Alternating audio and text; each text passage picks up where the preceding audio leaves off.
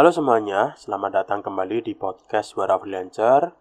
Ngobrol santai seputar dunia freelancing, remote working, dan industri kreatif bersama saya Dwi Hebrianto yang akan menjadi host pada episode kali ini. Dan bagaimana kabar-kabar sobat freelancer semua? Apakah baik-baik aja atau lagi bad mood? Hari ini adalah hari Valentine, 14 Februari yang di mana hari Valentine merupakan hari kasih sayang tapi menurut saya semua hari itu sebenarnya hari kasih sayang kalau ada yang disayang. Kalau enggak ya hmm, datar-datar aja kali ya. Dan buat sobat freelancer yang merayakan Imlek, selamat tahun baru Imlek. Semoga tahun ini membawa keberuntungan buat teman-teman semuanya.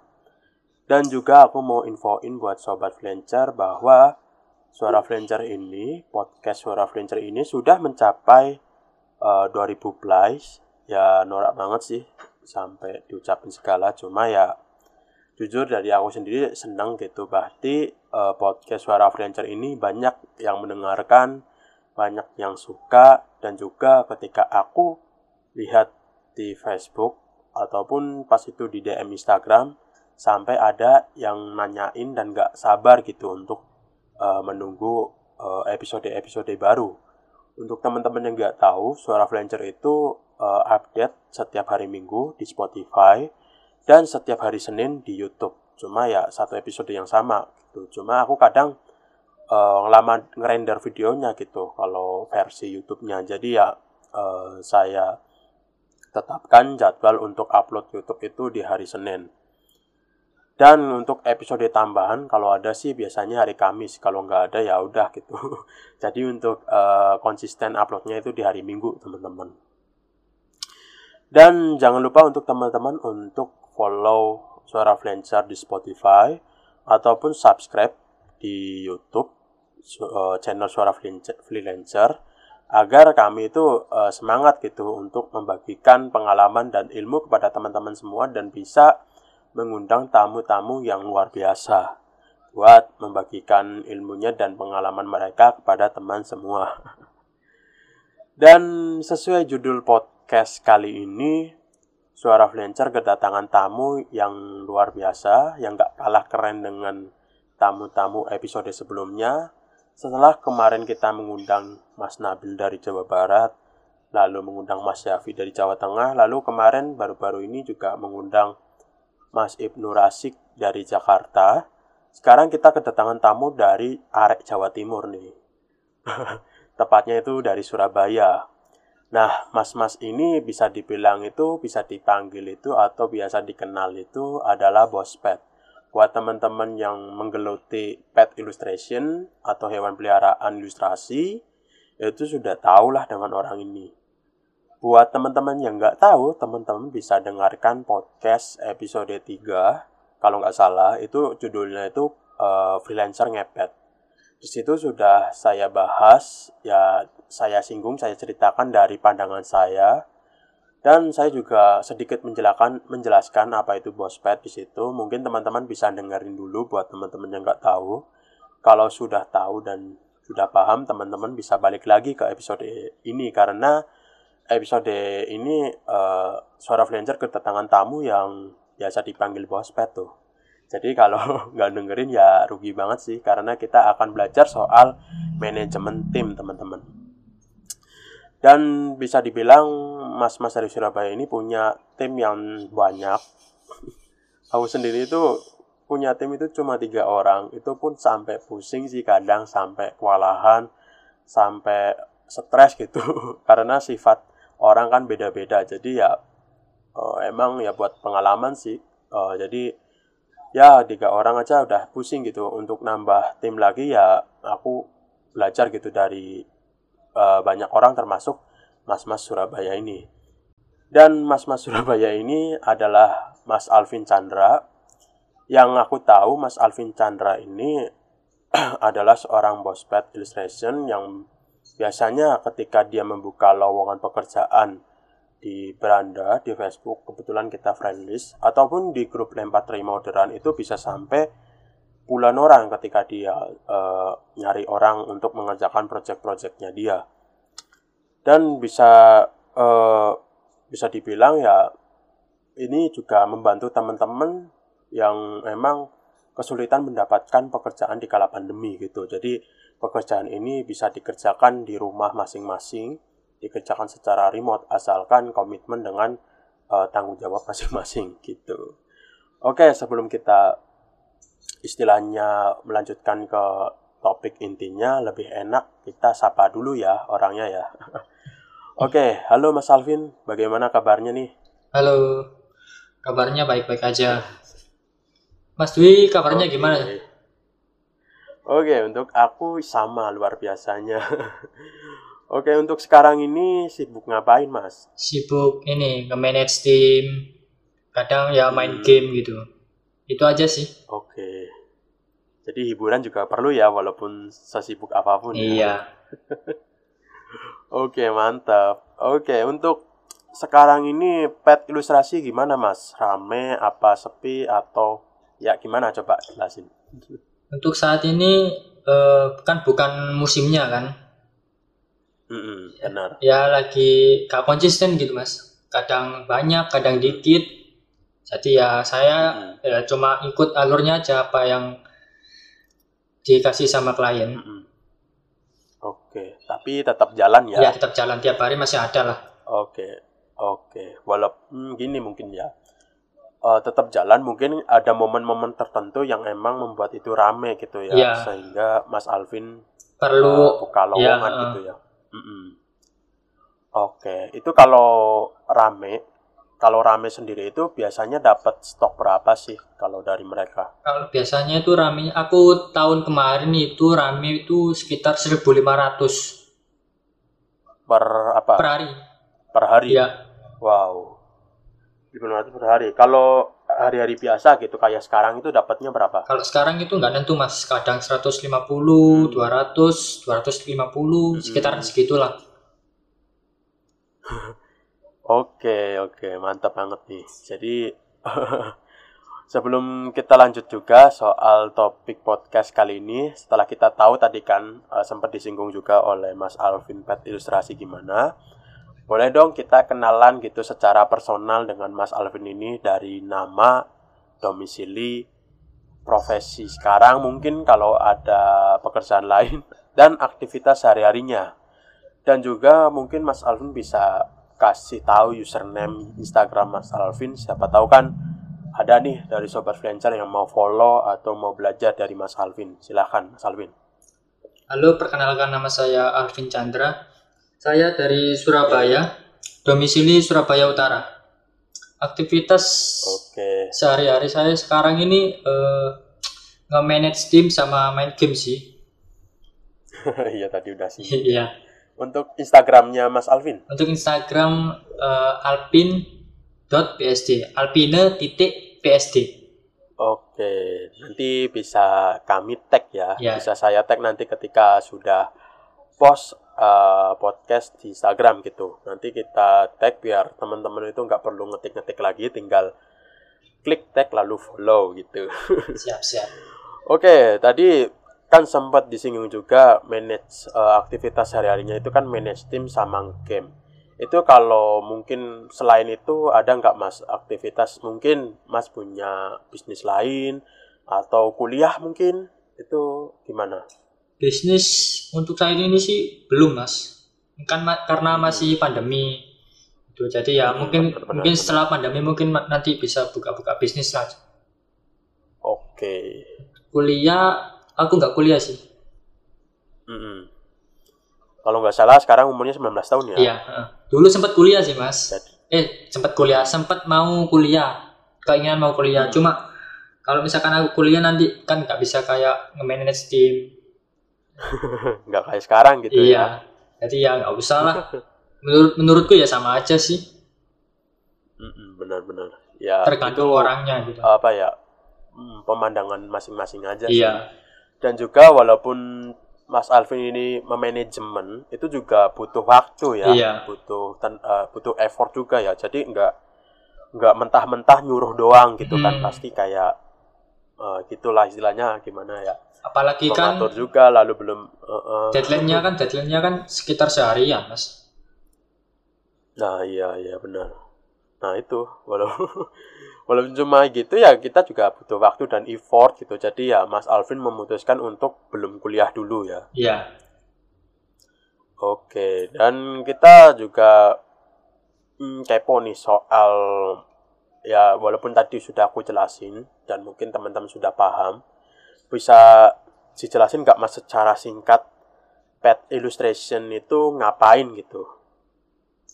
Pet illustration itu mengubah bentuk hewan menjadi kartun, mas. Misalkan kayak kita punya hewan peliharaan ingin Mm-mm. eh, dijadikan kartun gitu, ya kayak gitu. Mm-mm. Oke, itu biasanya sama kliennya itu buat apa sih eh, ilustrasi itu? Kalau di perusahaan yang saya kerjasama ini nih, itu dibikin kayak dekorasi kayak figura, terus semacam kayak pernak-pernik, terus eh, baju, Oke, ya kayak gitulah dekorasi-dekorasi. oke. Jadi buat aku ulang ya. Jadi pet illustration itu mengubah eh, foto hewan peliharaan orang menjadi kartun ya, menjadi istilahnya animasi, bukan animasi ya, kartun sih. Kartun cuma kadang ada style yang berbeda gitu ya. Iya. Sempet rame juga style Disney, Disney, Disney, iya. gitu ya. Dan bisa dibilang orang-orang luar negeri bany- kebanyakan itu niat banget ya, bahkan menganggap hewan peliharaan itu keluarganya bahkan sampai kayak ke anak Sendiri, sendiri iya. sehingga saking sayangnya eh, mereka ke hewan peliharaan bentuk apresiasinya itu eh, memesan eh, kartun dari foto hewan peliharaannya lalu dicetak menjadi tadi baju, poster dan lain sebagainya.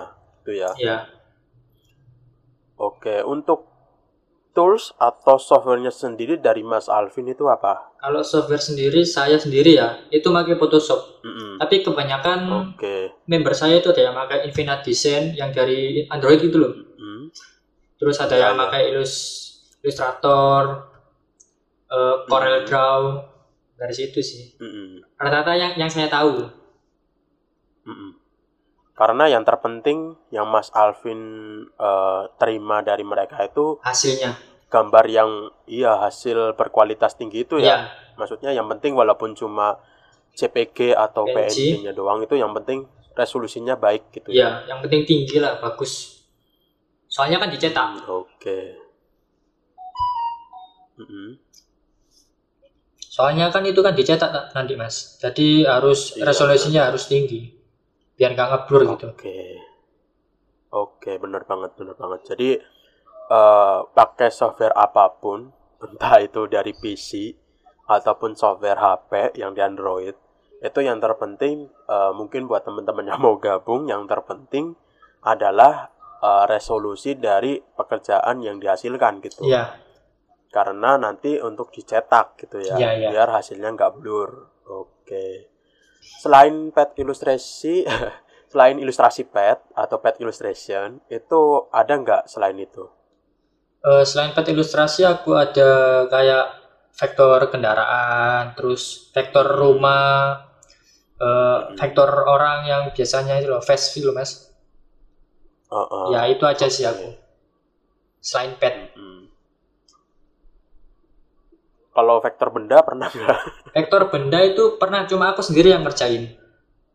Oh, kayak oke. kayak boneka, terus pensil, eh, ruangan kerja kayak meja-meja gitu. Oke. Kalau itu dari Fiverr mas. Oke. Hmm, iya iya paham paham. Oke, tadi kan kita sempat eh, menying apa ya sempat kenalan gitu dengan pekerjaan Mas Alvin ini apa, sempat disinggung juga eh, selain pet illustration itu apa. Nah, aku juga kepo nih soal bagaimana atau awal mula kenapa Mas eh, terjun atau kenapa Mas suka dengan dunia desain grafis ataupun ilustrasi. Awal mula itu dari game. Jadi Oke. ada game itu eh, mod gitu mas, tahu nggak? Iya, paham, Pak. Mod. Iya, ya mod mod mod game. Ya mod game kayak ngubah Oke. eh, bentuk kendaraannya, terus bajunya, Ah. desain bajunya itu sesuai selera Ah. kita lah. Gitu. Mm-mm. Terus Ubah-ubah gitu Mm-mm. ya skinnya. ada game online gitu namanya Losaga itu ada uh, sebuah fitur namanya itu gear design.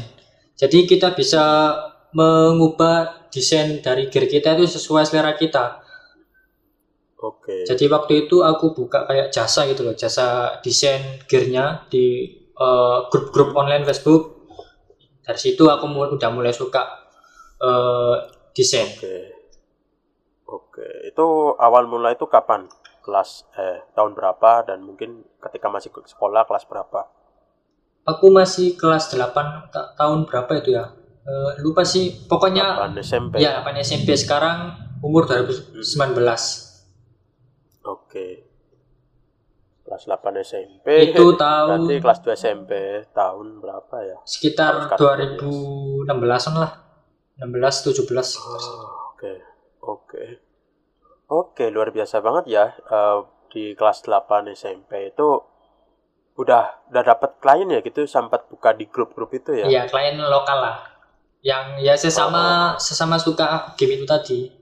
Mm -mm, mm -mm, benar-benar dan untuk apa serius selain itu itu kapan maksudnya selain uh, ngumpet-ngumpet game mungkin tertarik apa gitu itu kapan nah, setelah itu aku tertarik gitu kan aku ingin mendalami lebih dalam gitu loh tentang desain mm -hmm. aku beli okay.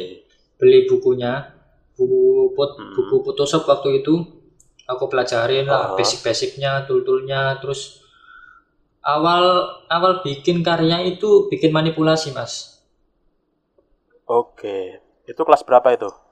Itu masih kelas 8. Oh, masih kelas masih 8. Masih kelas 8. Oke. Terus buku ya tadi. Ya, dari buku. Baca dari buku. Hmm. Hmm. Kemudian uh, bosen lah kan manipulasi terus. Akhirnya uh, iseng-iseng lah, coba lah cari kayak uh, mengubah wajah jadi kartun. Soalnya saya sendiri nggak bisa gambar mas, secara manual. Oh, oh. Akhirnya coba-coba secara digital lah nemu akhirnya tutorialnya itu ada di YouTube saya pelajarin gitu. Ya sampai sekarang malah jadi uh, apa? Kehidupan apa sih namanya? Sandang sandang pandang gitu sandang pangan. Mm -mm. itu sih.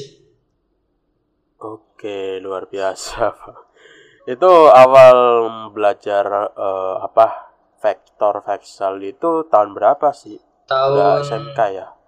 Uh, itu dari SMP kelas 9 awal-awal oh. banget awal-awal banget 2000 oh, masih kelas masih SMP masih SMP terus seriusnya itu uh, mulai kelas 10 itu. Aku bikin latihan terus sehari tiga hmm. tiga gambar dua gambar lah. Ya buat latihan aja sih.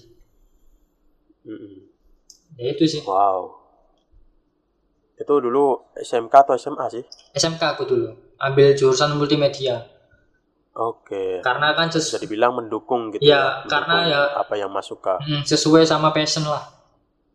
Mm -mm, benar benar benar. Oke, tadi dijelasin juga eh, kapan Mas suka dari desain sendiri sampai ke vektor vektor itu ya. Mm. Lalu untuk bagian petnya sendiri itu Masnya belajarnya dari kapan sih? Belajar pet saya itu nggak belajar Mas. Ya bisa dibilang ya kayak coba-coba lah. Waktu itu kan eh, dapat orderan face itu lagi sepi terus kata temanku kenapa nggak nyoba eh, pet aja gitu. Akhirnya ya coba-coba bikin gitu. Sem uh, sem ya, ya, ya. sempet ngelamar ke tim orang sih. Habis itu. Terus sama orangnya itu saya tanya-tanya lah gajinya berapa sama orangnya dikasih sekitar tiga puluh ribu lah. Wah menurutku itu uh, uh. kecil sekali. Oke oke. Kak jadi jadi kak jadi terus saya bikin uh, lapak sendiri gitu. Oke oke oke. Dan juga ini kenapa juga apa ya kenapa mas suka ilustrasi kayak kartun atau pet portrait kan di dunia desain ini kan banyak gitu kan macam-macamnya kayak logo mm kayak UI design, kayak flat illustration, kayak uh, apa ya, yang lain-lain lah kan banyak gitu kan. Kenapa Mas suka kartun portrait ataupun pet portrait? Uh, itu karena ya itu tadi pertama-pertama awal tadi itu kan suka kayak bikin-bikin vexel gitu loh vexel orang buku bikin-bikin fan Oh. art gitu terus Mm-mm. pasarnya kan ya lebih rame ke situ Mm-mm. dulu sempet sih nyoba eh, logo logo ekspor terus eh, flat Mm-mm. flat design itu pernah ada yang order cuma nggak sebanyak itu tadi face tadi akhirnya saya fo- Jadi memilih fokus mm, ke memilih pasar. ya lebih fokus ke face sama pet Iya, karena mungkin Mas sudah punya pasarnya gitu iya ya. heeh. Sudah dapat pasarnya gitu. tapi untuk saat ini sih lagi nyoba-nyoba kayak 3D design terus bikin-bikin visual effect gitu Mm-mm. Oh, oke, lagi belajar-belajar itu sih Oke, oke, oke.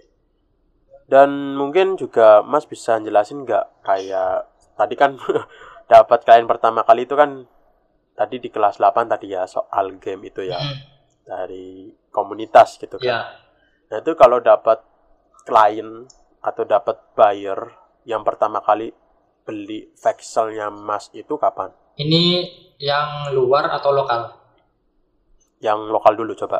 kalau yang lokal dulu itu eh ya iseng aja sih kayak ngepost gitu di Facebook kemudian ada orang yang nanya-nanya gitu tentang apa harganya berapa gini-gini ya saya saya jawab gitu habis itu ada Oke. yang order lah habis itu ya saya saya terima Seben- sebenarnya nggak niat buka open order sih karena waktu itu kan eh, hasil dari gambaran saya kan nggak terlalu bagus sih tadi belum masih belum berani Uh, uh, cuma kalau ada yang misalkan ada yang mau ya udah saya terima cuma nggak nggak Uh, uh. sampai nggak sampai kayak eh open open, order ya, gitu ya. uh. Jadi istilahnya ya kalau ada yang mau ya kerjain, kalau enggak ya enggak masalah gitu iya ya. uh-uh. Karena dari Mas sendiri itu istilahnya belum pede ya, Mm-mm. belum pede dengan hasil pekerjaan sendiri. Jadi istilahnya upload-upload doang di sosial media, terus ada orang yang tertarik gitu. Mm-mm. Oke.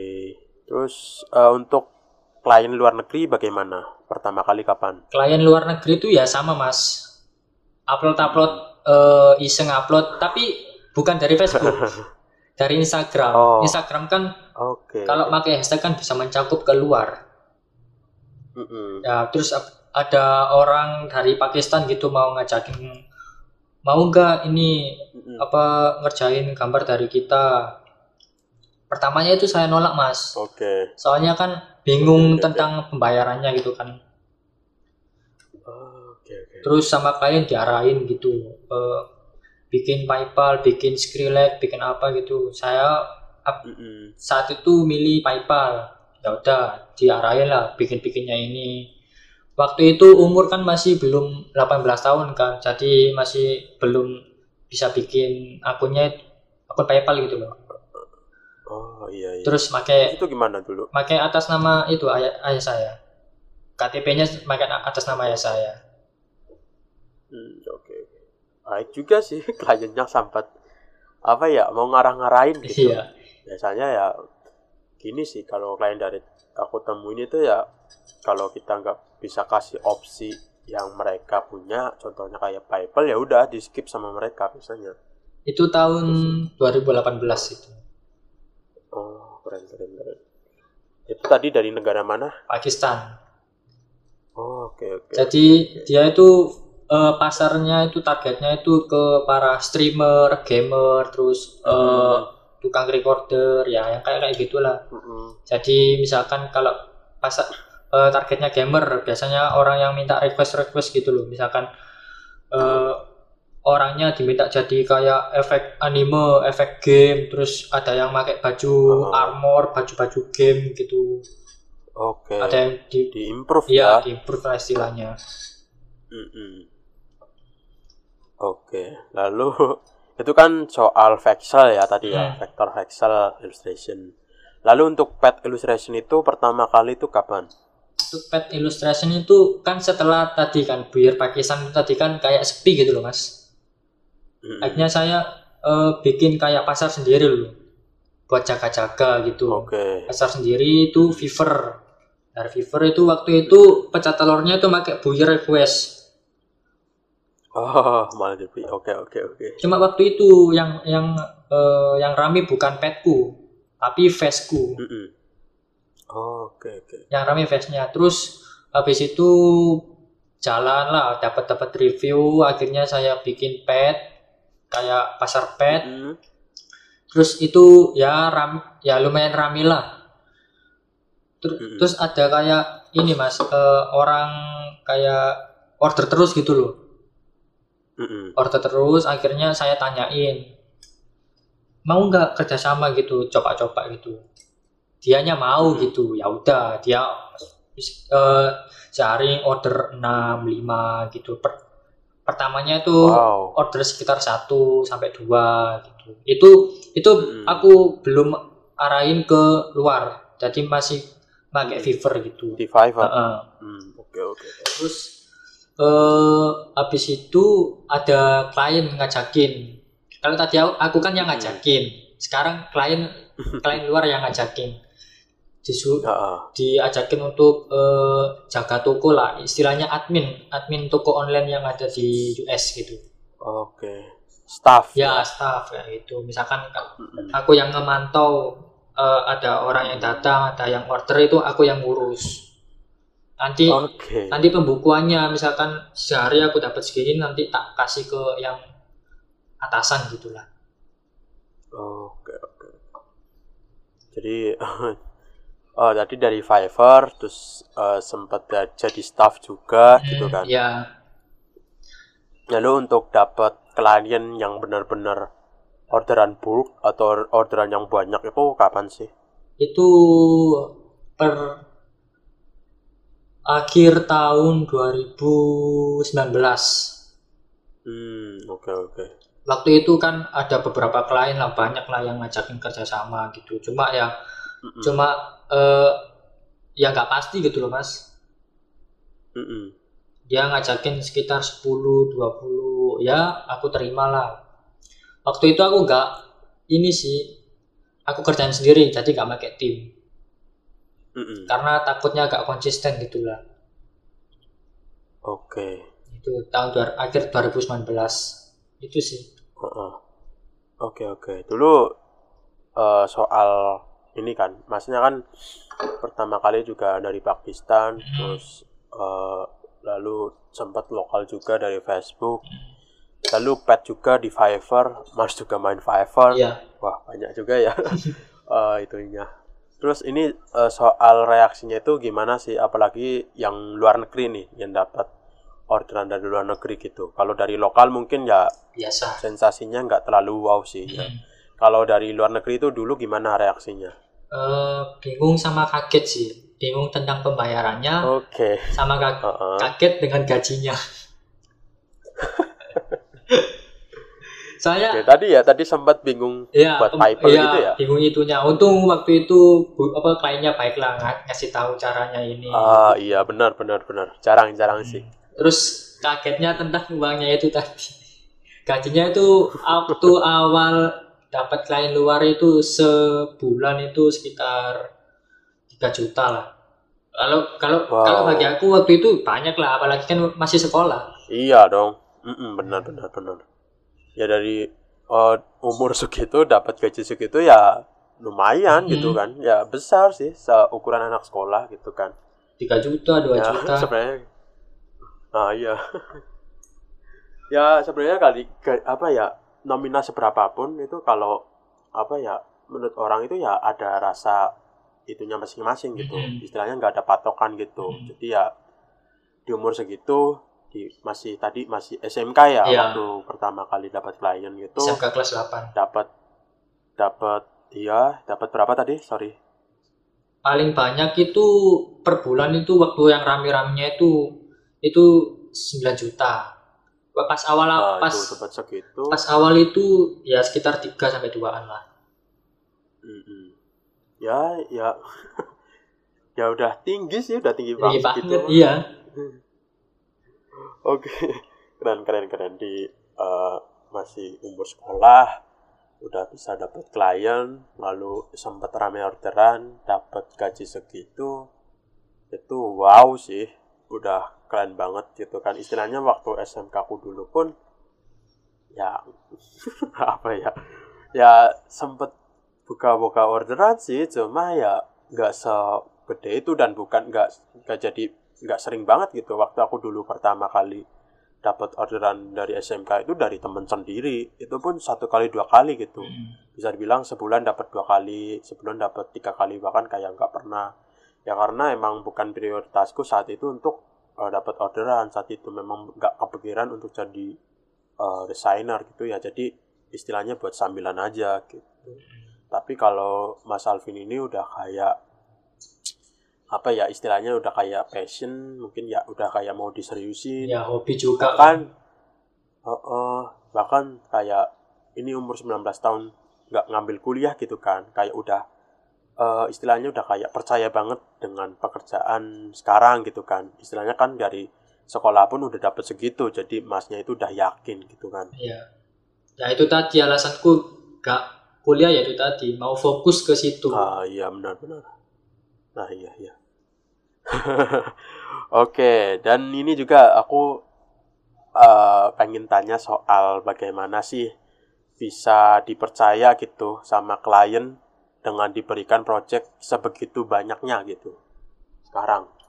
Kalau pertama-tama nggak mungkin lah klien ngasih project banyak kan. Pasti dikit dulu sekitar dua tiga. Oh, iya gitu. sih benar kalau misalkan kita bisa dipercaya itu apa yang dikasih klien itu ya kita kerjakan mau klien ngasih sembilan tujuh ya kita kerjakan supaya klien itu tadi okay.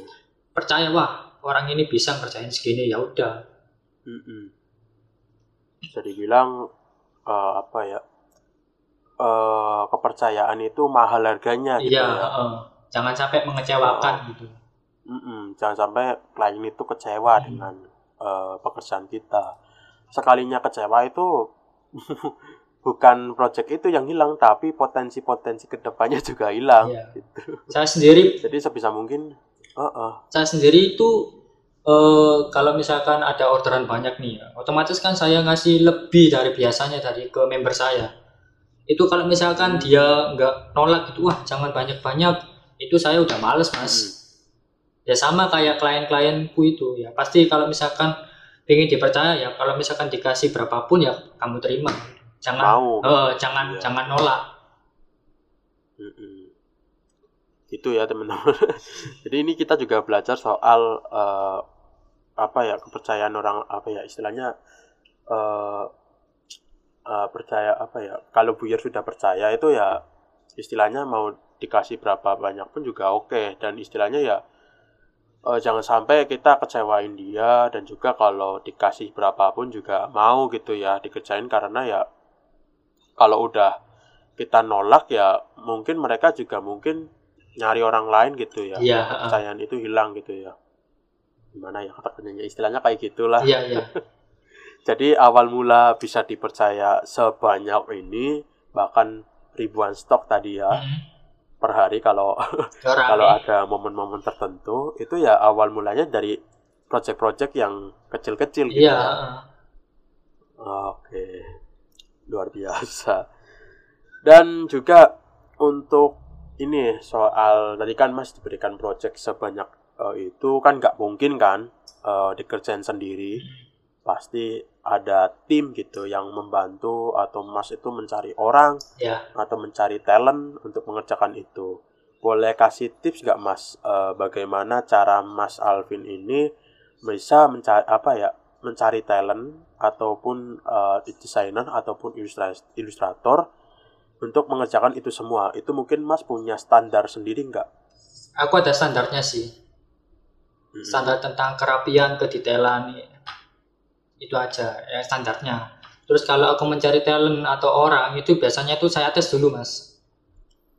Oke. Okay. saya tes dulu saya saya uh, tanya kamu biasanya bulu pendek atau bulu panjang atau bulu keriting? Ya terserah lah.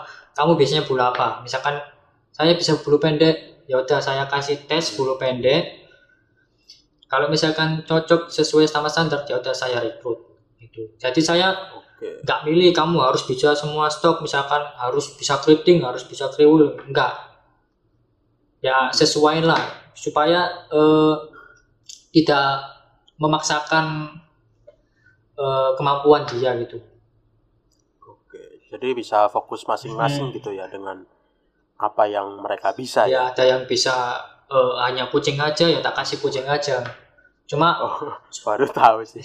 cuma ya Uh-uh. itu tadi kalau misalkan cuma bisa bulu pendek ya tergantung stok kalau misalkan stoknya banyak pendek ya bisa dapat pendek kok banyak kalau pendeknya dikit ya dikit nah itu kekurangannya Oke, oke. Jadi ada kelompoknya masing-masing. Iya, heeh. ada bulu pendek, ada bulu panjang, ada bulu keriting gitu kan. Heeh. Aku baru tahu sih kalau soal itu. Kukira kan kayak satu orang itu harus bisa semuanya gitu. Jadi ketika ada project yang benar-benar bulk atau benar-benar banyak ya kita taruh-taruh aja gitu. Ternyata itu sama Mas Alvin itu dikualifikasikan sendiri gitu Heeh. ya. Biar mungkin hasilnya bisa lebih maksimal gitu kan. iya Oke, dan ini juga aku tanya soal eh, bagaimana sih?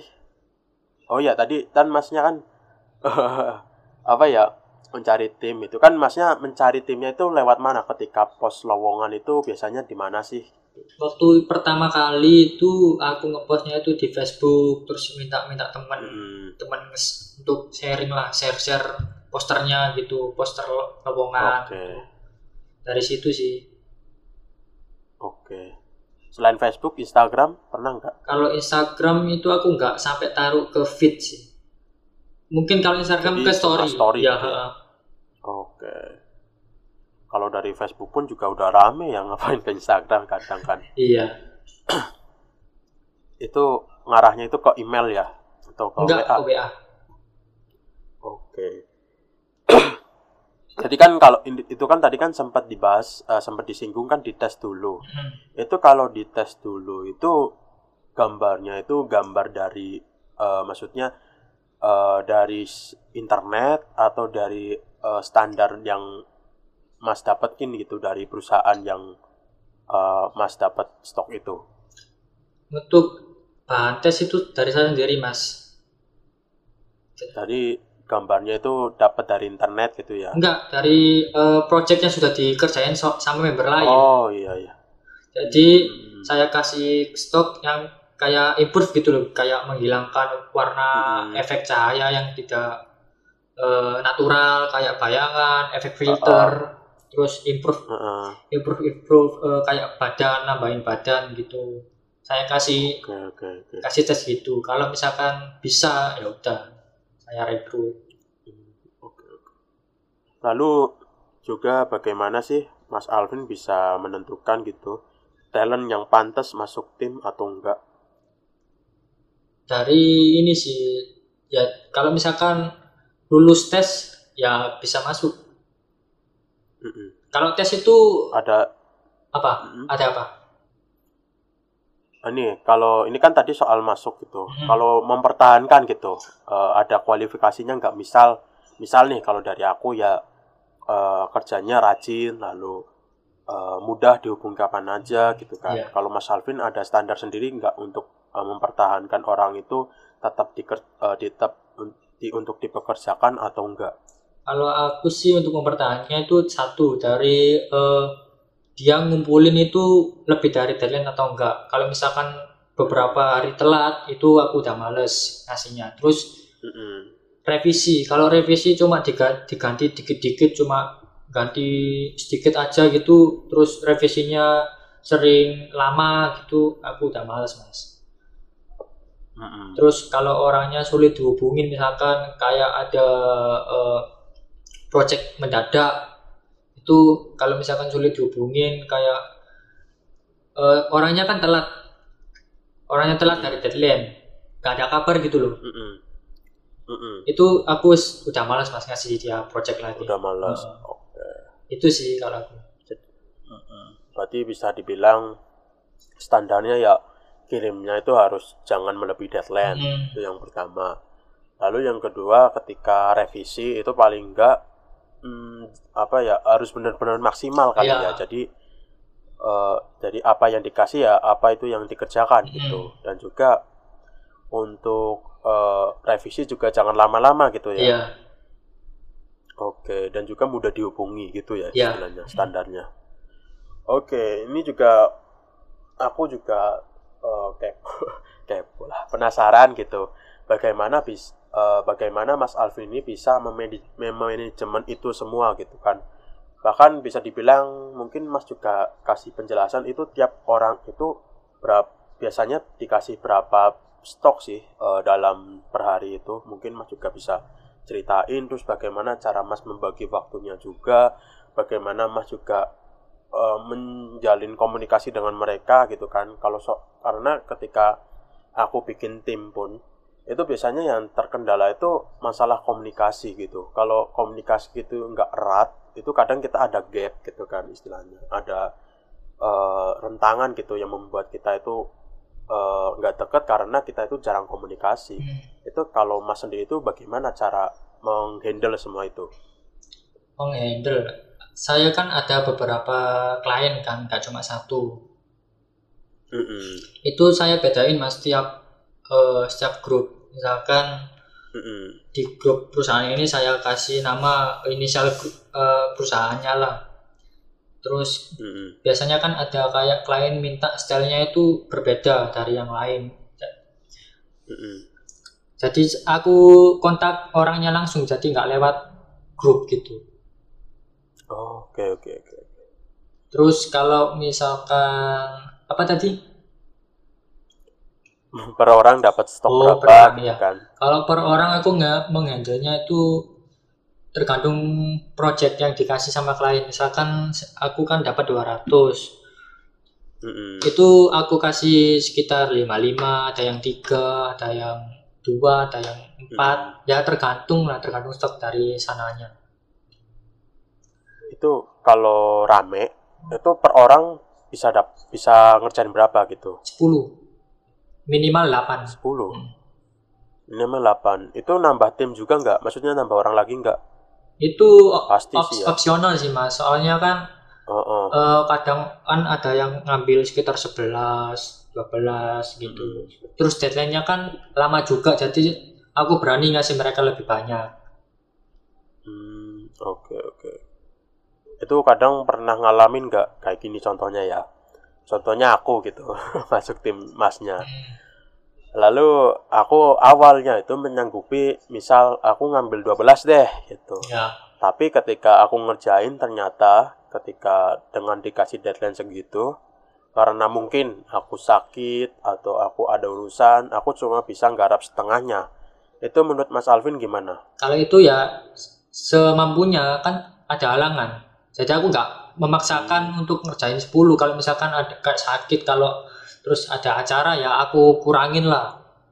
Kalau misalkan mau Oke. mau minta libur ya nggak masalah. Itu sih. Oke. Jadi walaupun tadi aku menyanggupi segitu, walaupun aku cuma dapat setengahnya itu gak masalah ya. Nggak masalah. Cuma nanti dikurangin gitu ya. Ya dikurangin. Ya semampunya lah kalau misalkan ada urusan jam segini urusannya ya nanti dikurangin berapa gitu. Soalnya aku itu kalau ngasih deadline itu tak hitung mas. Ambil Oh. ambil kasarnya paling lama satu pet itu itu kan dua jam. Mm. Ya misalkan deadline-nya 12 jam berarti kan mereka sanggupnya 6 harusnya. Oke oke oke. Ya gitu sih aku. Lalu soal oke oke. Jadi oh ini soal manajemen waktunya gimana masnya? Mungkin apa ya? Masnya kan pasti kan butuh tidur gitu ya kan. Istilahnya kan eh, klien masnya mungkin eh, dari luar negeri gitu kan. Iya. Kalau boleh tahu dari negara mana aja sih sebelum kita bahas waktu ini? US, Jerman, eh, Spanyol sama Belanda sama Inggris. Oke, oke. Jadi bisa dibilang itu waktu kita dengan mereka itu kan berbanding kebalik gitu kan. Iya, Kayak contohnya kayak di US gitu. Eh, waktu dengan kita itu kan berbeda 12 jam. Ketika kita sekarang rekod itu jam satu malam, di mereka jam satu siang. Pastinya Mas kan uh, untuk komunikasi atau dikasih stok sama mereka kan pasti sesuai jam kerjanya mereka ya. Iya. Itu gimana Mas cara mengatur waktu gitu kan? Uh, dari dapat stok, dari komunikasi sama mereka, lalu dari kasih stok ke member-member Masnya itu gimana? Kalau aku ngatur waktunya itu misalkan uh, hmm. aku kan stok kan nggak nentu kan mas kadang pagi kadang iya. siang kadang malam itu nggak nentu jadi aku pertama itu tanya dulu stoknya kira-kira kapan turunnya. Kalau misalkan masih lama ya aku tinggal tidur sebentar lah. Terus kalau masalah deadline itu eh, misalkan jam 12 deadline-nya, jam 12 malam deadline, itu jam 9 malam harus dikumpulkan sama aku. Cuma aku kalau ngasih deadline ke member itu biasanya jam 6 malam, sore, Mm-hmm. Wow. Itu sih ya kadang waktu kadang ya nggak tidur nungguin apa stok masuk gitu. Kalau misalkan sampai pagi nggak masuk, aku chat orangnya. Masih lama enggak? Oke. Okay. Kalau misalkan masih lama, tak wow. tinggal tidur sebentar lah untuk istirahat gitu. Oke oke oke. Berarti ketat banget ya. Jadi setiap malam, pagi, siang itu kayak jaga-jaga gitu. Iya, harus standby. Stok ya, Mas. Oh, uh, standby ya, iya ya benar. Berarti istilahnya standby hmm. gitu. Walaupun kita juga menyisikan waktu untuk tidur, juga kita harus jaga-jaga gitu ya. Soalnya kan kalau misalkan kita telat uh, ngasih stoknya ke member kan, itu ngaruh ke deadline, Mas. Iya, benar. Deadline-nya misalkan seharusnya kan jam 12 malam. Lah, aku karena ketiduran mungkin ya uh, ngasihnya ngasihnya jam 3 sore misal itu ngaruh ke deadline hmm. jadi hasilnya sekitar bisa nggak maksimal gitu. Oke oke benar benar benar. Aku juga aku juga pun sama gitu gitu. Istilahnya kalau misal uh, kita dikasih project gitu kan dengan deadline dua hari gitu ya hmm. misalnya. Cuma kita itu baru kiskar sorry baru kirim ke member itu satu harinya. Ya deadline-nya tetap satu hari gitu iya, kan. istilahnya tetap kirim ke mereka ya tetap uh, satu harinya itu. Kita nggak nggak uh, bisa istilahnya kita nggak bisa gitu ngirim dua hari setelah itu. Walaupun kita sebelumnya itu dikasih deadline dua hari cuma karena kita baru membuka atau baru mengirim projectnya itu ke tim kita itu satu harinya ya mau nggak mau ya member kita harus mengerjakan satu hari itu. Iya. Istilahnya ya sebagai leader lah kita juga ngeluarin effort gitu kan ngeluarin tenaga juga. Jangan dibilang kan panggilannya kan bos gitu kan. Uh, awal mula aneh sih di, aku mendengar kata bos-bos itu karena kan istilah bos kan istilahnya uh, bos itu kan nyantai-nyantai gitu kan.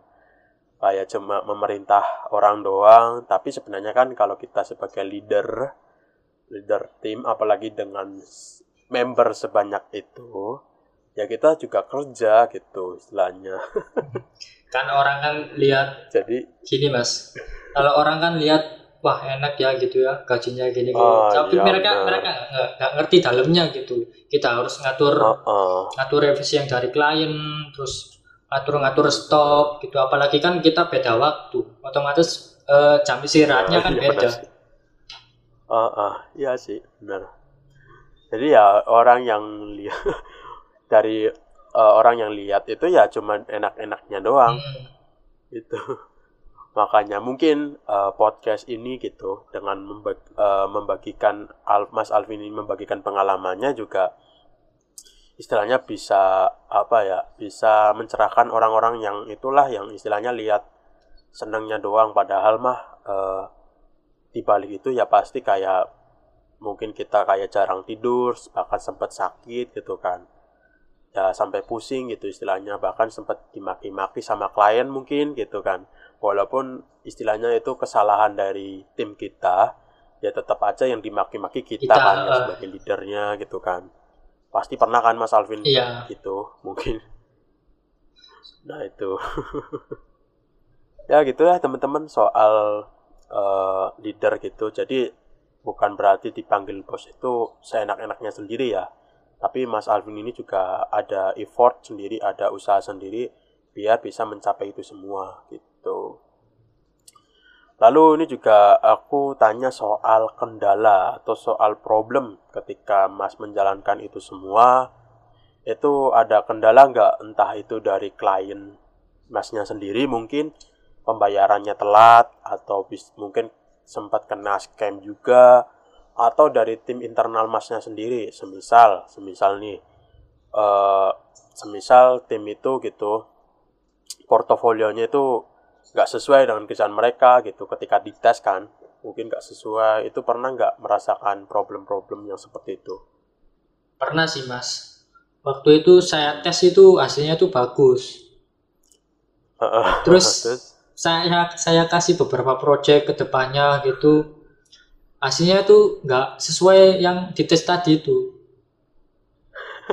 alasannya karena deadline-nya lah ya kalau misalkan deadline kan kita, apabila kita melamar kerjaan kan kita harus siap dengan deadline-nya iya, itu tadi. Heeh. Hmm, benar-benar. Akhirnya ya itu... saya cancel.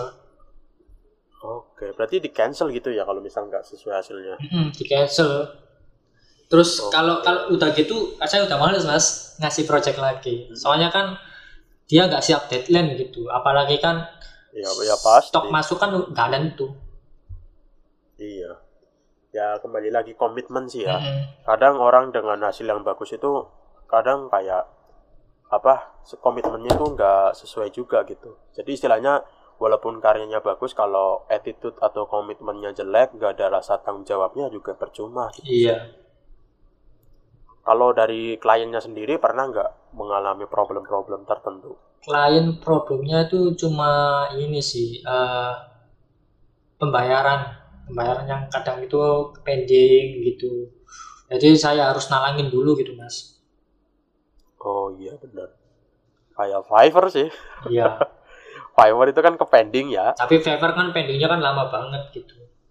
Oh, dua oh, minggu baru masuk. Ya 14 hari dua minggu gitu kan kita harus nalangin dulu kan. Iya. sedangkan uh, mereka itu kadang kalau pengen dibayar per project itu kan ada dua tipe gitu. Iya. tipe ada yang bayarannya per bulan ada yang minta per project gitu. Ketika project selesai revisi selesai langsung minta dikirim itu juga. Itu ya kita mau nggak mau ya harus nalangi kan. Nah ya seperti itu biasanya kan. Nah di di uh, klien masnya juga sama gitu ya. Sama harus nalangi dulu. Kadang ya telatnya semingguan lah. Hmm, okay. tetap kita harus nalangin. Se nalanginnya pun gak dikit banyak. Iya itu. itu sempat kepikiran nggak kayak udah nalangin gitu kan? Pernah kepikiran nggak kayak takut ditipu takut klien nggak bayar? Gitu, pernah nggak kepikiran kayak gitu? Walaupun sama-sama percaya. Hmm, itu pernah sih waktu akhir tahun kemarin itu 2020 kemarin. Kan waktu itu kan ruami banget mas ya hmm. udah sampai 1500 order per hari itu ruami banget waktu itu kan karena dari sananya kan rame kan jadi nggak sempat ngegaji gitu kan Hmm. Akhirnya saya nalangin itu mas sekitar ratusan juta itu. Wah. Tabungan okay. tabunganku yang di rekening itu 500 itu 500 juta itu sisa 50 juta. Astaga. Terus Wow, keren. Berarti ya oke okay, oke. Okay. Terus saya tanyain deh itu ke kliennya, kapan kira-kira? Hmm. Enggak enggak, enggak dijawab, Mas. Wah, itu hmm. aku udah kepikiran yang aneh-aneh nih meskipun kita saling percaya kan yang namanya uh, iya, sial kan bisa aja yang nam oh, oh. apalagi kan uang gede kan terus aku aku tanya ke temanku yang lainnya itu katanya belum dibayar juga hmm. ya itu itu sempat kepikiran sih. Akhirnya beberapa uh, sekitar sebulanan lah baru dibayar semua. Dilunasin semua. Keringet dingin juga ya. Iya. Pasti kepikiran lah walaupun orang tua aku juga sama orang tua aku juga khawatir itu. Soalnya kan uangnya kan gak dikit banyak banget. Iya banyak banget. Berarti ya selama ngetim ini mau nggak mau mas harus punya tabungan, tabungan gitu uh, ya. Istilahnya punya cadangan gitu. Sewaktu-waktu kalau misal ketemu klien yang seperti ini yang istilahnya pending tadi sampai satu bulan ya iya satu bulan Gila satu bulan 500 juta. Itu untung sih ada ada tabungan aku. Kalau nggak ada ya ah. aku cuma ya ngasih apa kayak Harapan eh, harapan itu ya. ke member sabar sabar dulu. Membernya suruh sabar, suruh sabar gitu ya. Kalau misalkan nggak dibayar ya ya udah. Jual rumah. Gila. Jadi ya ini penting juga ya buat teman-teman yang mungkin pengen bangun tim. Kita juga mau nggak mau kita juga harus nyiapin uang gitu. Ha-ha. istilahnya buat cadangan atau muter istilahnya lah kalau dagangan itu ya kita untuk muter gitu kan istilahnya ya harus ada dana talangan agar ya sewaktu-waktu mungkin terjadi seperti itu gitu kan. Karena kan namanya orang kan nggak tahu. Walaupun tadi juga sama-sama saling percaya juga kita juga pasti punya rasa was-was kan. Apalagi peminatnya itu nggak dikit kan. Iya. ratusan juta bro. Ratusan juta bro. Aduh itu kalau sampai bener-bener nggak ada kabar hilang gitu istilahnya mungkin masnya gimana tuh? Mungkin mau nuntut atau gimana Nuntut sih ya nuntut sih pasti. Soalnya kan ada teman lain yang nggak dibayar waktu itu. Hmm. Ini ini aku nggak tahu. Oh. Ini aku dari temanku satunya ada yang nggak dibayar mas sampai sekarang mas. Itu dia nalangin ratusan juta. Sama klien sama klien saya itu nggak dibayar dia. Heeh. Itu terus gimana itu itu karena ya katanya sih karena revisinya nggak dikerjain gitu. oh jadi di cancel sama Iya mereka dikasih jadi ya nggak dibayar. Terus kalau dia gaji membernya ya saya nggak tahu. Cuma saya kan dari oh dari temanku yang satu perusahaan itu tadi. oke oke kalau nuntut pun juga Susah. istilahnya bisa nggak sih dibawa ke hukum gitu Aku kurang tahu, Susah ya? kurang tahu sih kalau itu. Hmm, ngeri juga sih kalau sampai ratusan juta Ya, soalnya kan gaji besar kan pasti tanggung jawabnya besar juga, Mas. Oh iya benar benar benar aku setuju banget kalau itu. Jadi ya gaji besar juga resikonya juga ikut Ya, besar, itu gitu besar. ya. Masalahnya tadi ratusan juta. Gila. Oke oke oke. Eh juga ini juga aku mau tanya soal eh, tips gitu dari Mas Alvin. Mungkin Mas Alvin punya tips nggak sih ketika kita ingin mulai bangun tim mungkin aku lihat kan sekarang banyak pospet yang baru gitu kan. Hmm, iya. Mas Alvin tahu sendiri kan mungkin Iya, ada tahu tahu. pospet-pospet yang baru ya di LTO juga kayak banyak gitu. Hmm. Ka- eh, kalau dulu kan setahu kan yang buka lowongan pet kan itu orang itu itu aja termasuk Mas, Mas Alvin. Hmm. Kalau sekarang itu sudah variasi gitu kan dari banyak orang pun sudah bisa jadi pospet sendiri. Kalau teman-teman mungkin lihat di LTO ya pasti tahulah gitu kan eh, lowongan pospet sekarang itu macam-macam orangnya. Nah mungkin Mas Alvin punya tips sendiri nggak sih kalau ada orang pengen bangun tim gitu kan atau pengen mulai ngetim Mas Alvin ada tipsnya sendiri nggak sih? Kalau aku sendiri sih jangan langsung ini sih, jangan langsung open member. Hmm. Soalnya kan Iya, iya. kita nggak tahu ke depannya perusahaan itu jalan atau enggak. Kita nggak tahu Oh, konsisten iya. atau enggak. Jadi sebisa mungkin kita bilang ke klien, kalau saya sendiri sanggupnya segini, kalau misalkan pakai tim sanggupnya segini, bilang apa adanya gitu. Kalau misalkan Oke. klien minta sekitar 20-15an, kalau misalkan kita sanggup ngerjain sendiri ya udah kita terima aja, kita kerjain sendiri. Kalau misalkan kita pun nggak mampu, bisa kita lempar ke temen gitu buat bantuin ini ini jangan sampai open member Oke, jadi istilahnya kalau open member kan kayak daily itu kan Mm, istilahnya buat harus tiap harinya iya kan hari heeh. ke mereka gitu kan. Mm. Kalau mungkin ini istilahnya freelance, istilahnya lepas gitu, maksudnya kan nggak pasti itu ya cuma lempar-lempar aja gitu Mm. kan. Ya mungkin bisa dilempar dilempar terima orderan ya. Promosi ke teman-teman gitu so, terus Ah, soalnya ke teman-teman aku sendiri baik. ngalamin sih mas Heeh. kayak ngejanjiin gini bakalan konsisten gini gini gini akhirnya ujung-ujungnya enggak untung waktu itu aku sanggup gitu ngerjainnya sendiri 15 orderan per hari itu aku, untung masih sanggup gitu Mm-mm. Paham, paham. sampai tak belain nggak tidur barang terus eh, kalau Waduh. misalkan nggak sanggup ya tak lempar ke teman yang benar-benar bisa dipercaya gitu loh yang istilahnya iya cocok dengan kita. Jadi nggak. Mm-mm. misalkan kalau nggak ada orderan ya udah kita nggak sampai ngejanjiin mereka bakal ada ini ini ini oh iya iya paham paham. Kalau misalkan kita mau open tim buka tim itu lihat-lihat dulu. Kalau misalkan ber- beberapa bulan gini perusahaan eh, berkembangnya kayak gimana rame atau tidak. Kalau misalkan rame dan konsisten dan eh, percayalah kita baru buka open member gitu tadi. Terus kalau misalkan mau open member itu klien itu jangan satu aja sih menurutku. Kita kan nggak tahu eh, naik turunnya klien apa perusahaan kan kita nggak tahu. Oke. Jadi kita kayak cari klien cadangan lah satu atau dua. Kayak aku sekarang ada cat- klien cadangan mas. Kalau misalkan klien hmm gitu. klien satu eh, sepi ada tambahan dari klien lainnya.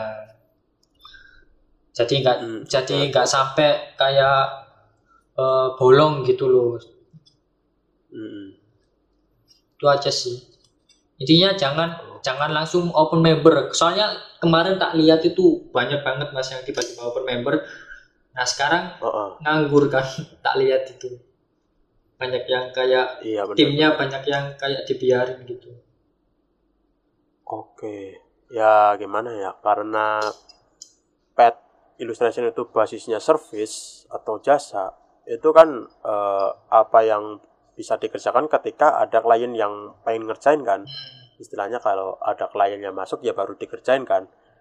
Tapi kalau mungkin kita buka tim yang istilahnya produk base bukan yang service base. Istilahnya kan kita tinggal kasih daily task atau daily kerjaan kan. Semisal eh, mungkin tim font gitu kan. Ya. Ini dari apa yang aku tahu ya. Itu kan eh, mereka bekerja kan nggak sesuai dengan klien kan karena itu kan produk eh, base-nya itu kan produk. Jadi ya kita menciptakan produk jadi setiap hari itu ada kerjaan. Jadi mungkin oke-oke aja kalau open member kalau kita sudah punya duit atau sudah punya modal untuk eh, itu semua karena kan kalau produk base itu kan bisa dibilang itu kan eh, istilahnya untuk menghasilkan keuntungan atau uang kan pelan gitu kan dibandingkan dengan service base. Kalau service base kan kita buka jasa seketika itu juga ya kita dapatkan segitu gitu. Kalau produk base kan kita harus mempunyai produk yang banyak dulu, lalu baru eh, sales-salesnya kelihatan gitu kan. Sehingga ketika kita punya tim ya kita tinggal kasih project-project buat produk itu, bisa dibilang ya bisa eh, tiap hari dapat kerjaan. Sedangkan kalau service base itu sendiri termasuk yang dari Mas Alvin ini pet illustration kan kalau kita mau ngerjain kan harus juga ada klien yang masuk gitu dan istilahnya kan klien itu kan nggak nggak mung apa ya istilahnya walaupun mereka janjiin setiap waktu ada kan nggak dari kitanya kan juga pasti kayak ada rasa eh, istilahnya keraguan gitu ya. Jadi ya sebisa mungkin kalau awal-awal itu jangan open member dulu ya. Istilahnya Iya. kalau mau memperkerjakan orang ya istilahnya lempar-lempar orang yang terpercaya aja Mhm. gitu. Dan kita jangan janjiin dulu gitu tiap hari itu ada gitu ya. Kan kas kan biasanya kan ada sih yang rela kayak gak keluar dari kerjaan untuk fokus ke sini. Kan kasihan gitu mas Hmm, hmm, hmm. kecuali kalau dari kliennya sendiri dari sananya itu nyuruh kita untuk open member supaya bisa ngerjain banyak lagi itu baru nggak apa-apa open member. Soalnya kama aku kalau open member itu dari aba-aba dari klien dulu mas. Misalkan Hmm. kamu sanggup gak tambahan segini? Eh, kalau misalkan saya nggak sanggup ya saya open member dulu. Saya bilang ke atasan gitu ke bosnya langsung. Saya oke. jadi nggak apa nggak langsung open member gitu jadi nunggu apa-apa dari sananya. Oke. Kalau te- nunggu apa oke. kalau tahu dari tahu apa-apa dari atasan kan kita tahu oh berarti sedang naik nih berarti ya kita open member itu tadi. Hmm, oke oke. Jadi bisa dibilang kalau mau open member ya Mas Alvin itu eh, ngaba-ngaba dulu ya. Hmm. ini opini saya sih Kasih apa-apa dulu. ini men- menurut saya opini saya kalau orang-orang kan beda sendiri Oke. Iya sih benar, nanti benar. takutnya didramain ya mudah-mudahan enggak lah istilahnya masalahnya ini pendengar podcast itu bisa aku bilang itu filter gitu ya istilahnya kalau mungkin kalau mas suka dengerin Spotify ya podcast Spotify itu ada gitu podcast yang main apa ya podcast yang menyinggung menyinggung itu loh. Istilahnya hmm, podcast yang istilahnya itu ha- membahas hal-hal yang tabu gitu kan. Membahas hal-hal yang memang nggak sesuai norma masyarakat itu ada gitu di Spotify. Jadi eh ya nggak masalah karena pendeng- pendengar Spotify atau pendengar podcast itu sendiri pun kan masih dikit gitu kan. Dari suara freelancer pun juga masih sedikit banget sih sebenarnya sehingga bisa dibilang kita buat podcast ya sebagai filter juga. Tapi eh, kalau kita sebenarnya kita juga upload di YouTube cuma ya bisa dibilang juga masih sama aja gitu. Eh, bisa dibilang podcast itu sebagai filter gitu. Orang-orang yang emang eh, istilahnya suka baca berita setengah-setengah itu kayaknya susah gitu untuk dengerin podcast. Iya. karena kan kalau kita dengerin podcast yang istilahnya basisnya interview mau nggak mau kan kita harus dengerin dari awal sampai akhir. Kalau sedangkan kalau di YouTube mungkin konten-konten di YouTube itu kan kita tahu bisa skip-skip gitu loh. Istilahnya kita tahu previewnya yang mau diambil itu seperti apa. Kalau di podcast itu sulit gitu. Jadi ya mudah-mudahan ya kok didramain lah. Istilahnya kan mungkin kalau mau mungkin pendengar suara freelancer mau dramain ya janganlah. Istilahnya ya aku nggak mau podcast ini rame karena drama. Aku mau itu podcast ini rame ya karena apa yang aku buat ini maksudnya apa yang dari narasumber itu share ini itu bermanfaat rame itu nggak apa-apa. Tapi kalau istilahnya orang rame itu karena kepo ya ya susah juga nanti mati sendiri gitu uh, podcast saya gitu. Karena kalau rame di traffic-traffic tertentu ya juga nanti semakin lama juga untuk podcast suara freelancer ini berkembang gitu. Jadi istilahnya ya istilahnya aku nggak suka sih kalau di dramain aku dari dulu juga mm, nggak terlalu suka gitu sama drama. Kalau istilahnya eh, ada gitu eh, masalah sama satu orang dan yang lain ya udah cukup selesain aja secara internal. Kayak dulu mungkin eh, kayak aku sama Mas Alvin itu kan sempat salah paham dikira Iya, eh, waktu Mas Alvin upload itu tutorial dikira itu kan dikira kan karyaku gitu kan. Ah. padahal aku dulu itu lupa bahwa aku itu punya blog sedangkan Mas Alvin itu buat versi tutorial YouTube-nya gitu iya kan. Nah itu aku nggak suka kalau aku suka drama ya aku tinggal upload aja kan. Aku drama gitu. Kalau aku suka drama tapi karena aku orangnya itu ya nggak terlalu suka drama-drama ya sebisa mungkin aku usahakan secara internal gitu. soalnya kan sekarang kan dikit-dikit kan didramain mas itu aku tadi kan ngomong opiniku kan kayak misalkan jangan apa member dulu gitu. Nanti sama orang persepsinya itu salah. Beda sama persepsi Hmm, dia benar, itu nanti dibikin oh masa gini gak boleh nomor gini gini gini gini. Itu Oke. dulu se- Yaudah ini aku aku ingatkan lagi nih. Jangan istilahnya ini opininya Mas eh, Alvin ya. iya. Istilahnya kalau mau diikutin juga silakan enggak juga nggak masalah. Ini bukan standarisasi ketika teman-teman mau open member gitu kan. Karena kan eh, lingkungan ataupun kondisi teman-teman sekarang kan berbeda dengan Mas Alvin. Mungkin ketika Mas Alvin eh, buka open member seperti itu ketika kondisi Mas Alvin seperti itu istilahnya. Jadi ya istilahnya itu diambil yang teman-teman mau aja. Istilahnya diambil teman-teman eh, informasinya itu diambil atau ditiru ketika teman-teman mengalami kondisi tertentu atau ketika teman-teman mau aja istilahnya ini bukan standarisasi jadi nggak ada yang salah dan juga nggak ada yang benar gitu. Gitu ya. Iya siap siap. Oke lanjut lanjut. Oke. Tadi itu soal eh, menurut Mas Alvin soal ketika mu- cara ketika memulai tim ya. Hmm. sekarang aku juga apa istilahnya penasaran juga nih. Mungkin kita buka sedikit-sedikit penghasilan ya. Soalnya waduh bukan mengarah langsung ke penghasilan ya. Iya iya. Tapi mengarah apa yang Mas dapatkan ketika sudah menjadi prospek itu. Apa yang Mas sudah beli apa yang sudah Mas raih gitu ketika Mas menjalani semua ini. Eh, mungkin aku cerita gak langsung dari bospet ya. Mungkin dari pertama awal-awal nge-freelance aku mungkin. Tak, tak jelasin kan Oke oke silakan. jadi waktu yang buyer pakesan tadi loh mas Mm-mm. itu kan aku dapat eh, ya sekitar gaji 3 juta 2 juta segituan lah waktu itu eh, aku beliin PC sih waktu itu rakit Wow, PC Oke oke. soalnya kan dari dulu kan aku pengen banget punya PC gitu soalnya kan nah Oke. waktu sebelum aku punya PC itu aku ngerjainnya pakai laptop tahu sendiri lah laptop kalau dipakai lama-lama kan pasti rusak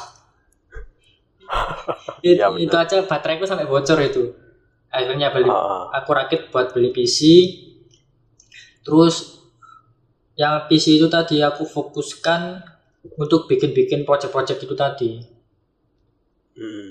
istilahnya biar eh, balik modal gitulah Iya benar. nah terus habis itu aku beli ini nambah-nambah upgrade-upgrade PC lah Mm-mm. upgrade-upgrade PC terus eh, sempet waktu itu buka usaha sablon sablon kaos Iya. Terus habis itu ya uang dari PC tadi itu tak beliin sab sablon kaos gitu. Alatnya. Mm-mm. Terus habis buka-buka sablon kaos, terus dapat klien-klien pet. Aku aku tutup sablonnya, aku fokus ke pet itu tadi. Mm-mm. Fokus pet terus eh, lama kelamaan uangnya kekumpul buat upgrade-upgrade eh, PC terus eh, beli rumah pertama itu beli rumah saat beli rumah waktu itu nggak nggak aku tempatin sih buat aku kayak Iya. buat kos buat kontrakan gitu istilahnya buat invest lah Oh. kemudian eh, kurban barang Mm-mm. terus eh, ada eh, beli rumah lagi yang saat ini saya tempatin itu. Jadi dulu itu rumahku itu numpang mas. Sebelum aku Kontrak ya atau apa? nggak nggak ngontrak eh istilahnya ikut lah ikut ke eh, mbah. Oke. ikut mbah. Jadi sebelumnya ikut mbah itu aku itu eh, dari bayi lah dari kecil itu hidup ngontrak sih. Tiap tahun pindah-pindah terus eh, disuruh kayak pindah ke rumah mbak ya udah pindah lah daripada pindah-pindah rumah ya udah pindah ke mbak aja yang lebih Oke. lebih netep gitu cuma kendalanya itu satu eh, apa ruangannya tuh nggak luas gitu mas ya namanya kan num- numpang lah ya harus Iya benar. ngikut aja lah Mm-mm. terus eh, aku nabung dari freelance itu aku umur 18 itu berambisi mas. Berambisi kayak kan udah tau lah gajiku segini gitu. Aku berambisi untuk sebelum umur 20 tahun aku bisa beli rumah lah. Wow. Oke oke. ya waktu itu sempat itu diremehin sama sepupu lah. Kayak ah Oke. dua tahun beli rumah gak mungkin. Dua tahun tuh cepet. Nah dari situ aku aku kayak ah tungguin aja lah akhir itu eh, Oke, aku keren, keren, aku makin apa ya semangat gitulah untuk eh, kerja gitu terus makanya aku Hmm. aku lebih milih fokus ke pekerjaan ki pekerjaanku ini ke daripada ke kuliah makanya aku gak kuliah Oke. Oke.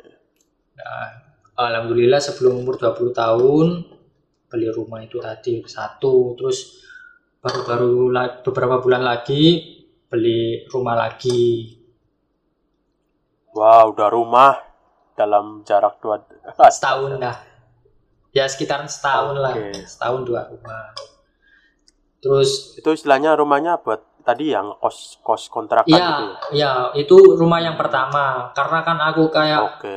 kayak nggak betah gitulah di rumahnya mbakku ya karena tempatnya ruangannya yang eh, sempit gitu loh mas kan ya namanya penghasilan kan yang keinginanku waktu dulu kan udah kebeli semua gitu loh mas kayak PC terus Hmm. PS gitu Oke oke. beberapa action figure kan udah kayak kebeli gitu loh otomatis kan Oke. ruangan kan tambah sempit gitu Mm-mm. jadi mau nggak mau ya harus eh beli beli rumah. rumah. Kalaupun bongkar kan nggak mungkin itu bukan rumah saya sendiri, bukan rumah orang Iya. tua sendiri. Benar-benar.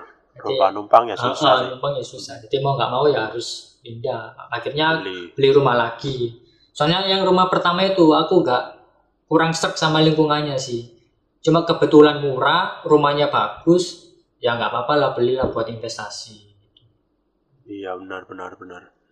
Toh dikontrakan juga bisa, dikontrakin juga bisa kan. Mm-mm. Istilahnya kalau beli tanah gitu kan beli rumah kan itu kan nggak nilainya kan nggak mungkin turun, turun gitu iya kan.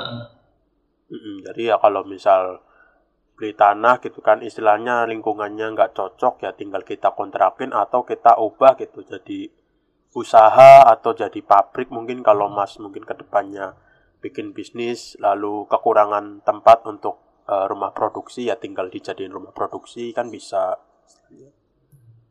Jadi ya nggak terlalu rugi-rugi amat sih kalau misal seperti itu. Terus eh, beli rumah yang kedua ini ya buat tempatin sendiri gitu oke. Ya alhamdulillah. Sekarang ya sekarang ditempatin. Iya, tak tempatin sendiri sekarang. Terus habis itu eh, beli PS5 yang dari uh, Oke, Bospet itu. oke. PS5 kan waktu itu kan nggak resmi kan? 18 juta. Ah, ya alhamdulillah aku bisa eh, ngerasain paling awal gitulah lu- keluarnya PS5 ah, ah. soalnya aku aku PS3 PS4 itu aku nggak ngikutin mas. Mm-mm. Aku ngikutin PS3 itu cuma di rental. Itu pun ya beberapa hari lah. Nggak sampai seterusnya. Terus keluar PS4 aku nggak nggak beli lah. Atau nggak pernah main sama sekali. Soalnya di rumahku nggak ada rental PS4 terus aku nggak ada uang buat beli PS4 jadi aku skip PS4 nah kebetulan Oke. PS5 ini kan bisa memainkan game PS4 Nah, istilahnya kan aku dua, punya dua konsol kan. Ah, ah. jadi ya menurutku ya nggak apa-apa sih 18 juta hitung-hitung ya bisa merasakan experience pertama kali PS5 keluar gitu soalnya kan ya mm-mm. banyak fitur yang eh, canggih gitu di PS5 kayak DualSense gitu jadi misalkan kayak kita nembak gitu sticknya itu ngikutin getaran tembakannya ya, kayak gitu sih. Jadi nggak perlu miring-miring kayak di PS2 ya. Kalau dulu main PS2 dulu aku kan apa mobilnya ikut menggok, sticknya ikut menggok gitu. ya ini aja sih fiturnya di di konsol PS5 itu Oke. ada misalkan kita Astaga. belok ke kanan karena bisa belok ke kanan gitu. Ada fiturnya sendiri. Oke, ya aku belum ngerasain sih karena ya. Soalnya kan ah, ya masih mahal sih. ya nggak mahal sih ya. Kalau yang nggak resmi mahal mas 18 juta. Kalau yang resmi sekarang kan udah rilis di Indonesia kan 7 juta.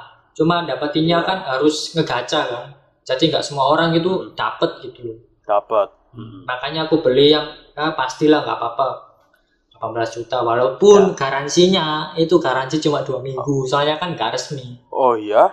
iya dua Wow. minggu doang jadi ya apalah Oh, tapi sekarang lancar-lancar aja kan? lancar nggak nggak ada kendala Masih lancar. Hmm. Oke. Istilahnya ya walaupun ma bagiku mahal maksudnya 18 juta kan toh dapat kesenangan Iya. paling pertama ya, Worth. yang nyicip-nyicipnya kan eh, eh, istilahnya ya seperti itu dan juga fitur-fitur PS5 juga oke punya Hmm. kan. Dan juga itu selain PS4 juga mainin mainin game PS3 juga nggak ke bawahnya. PS3 itu bisa cuma ya nggak semua cuma paling game-game kayak re- Hmm. remaster remaster gitulah Oke, oke, oke, oke. habis Oke, keren.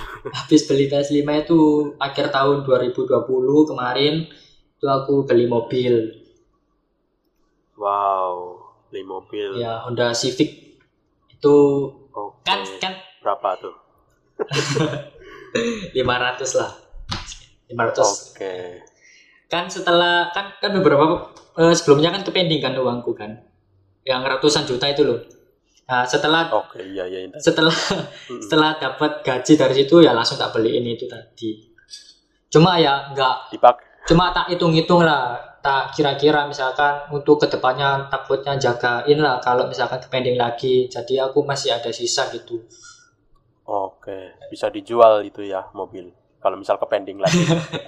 enggak lah ya kira-kira lah harus ada kayak tabungan sekitar 100 150 sekitar segitu lah Oke. Waduh, di umur di umur 20 tahun tadi ya aku ceritain lagi ya.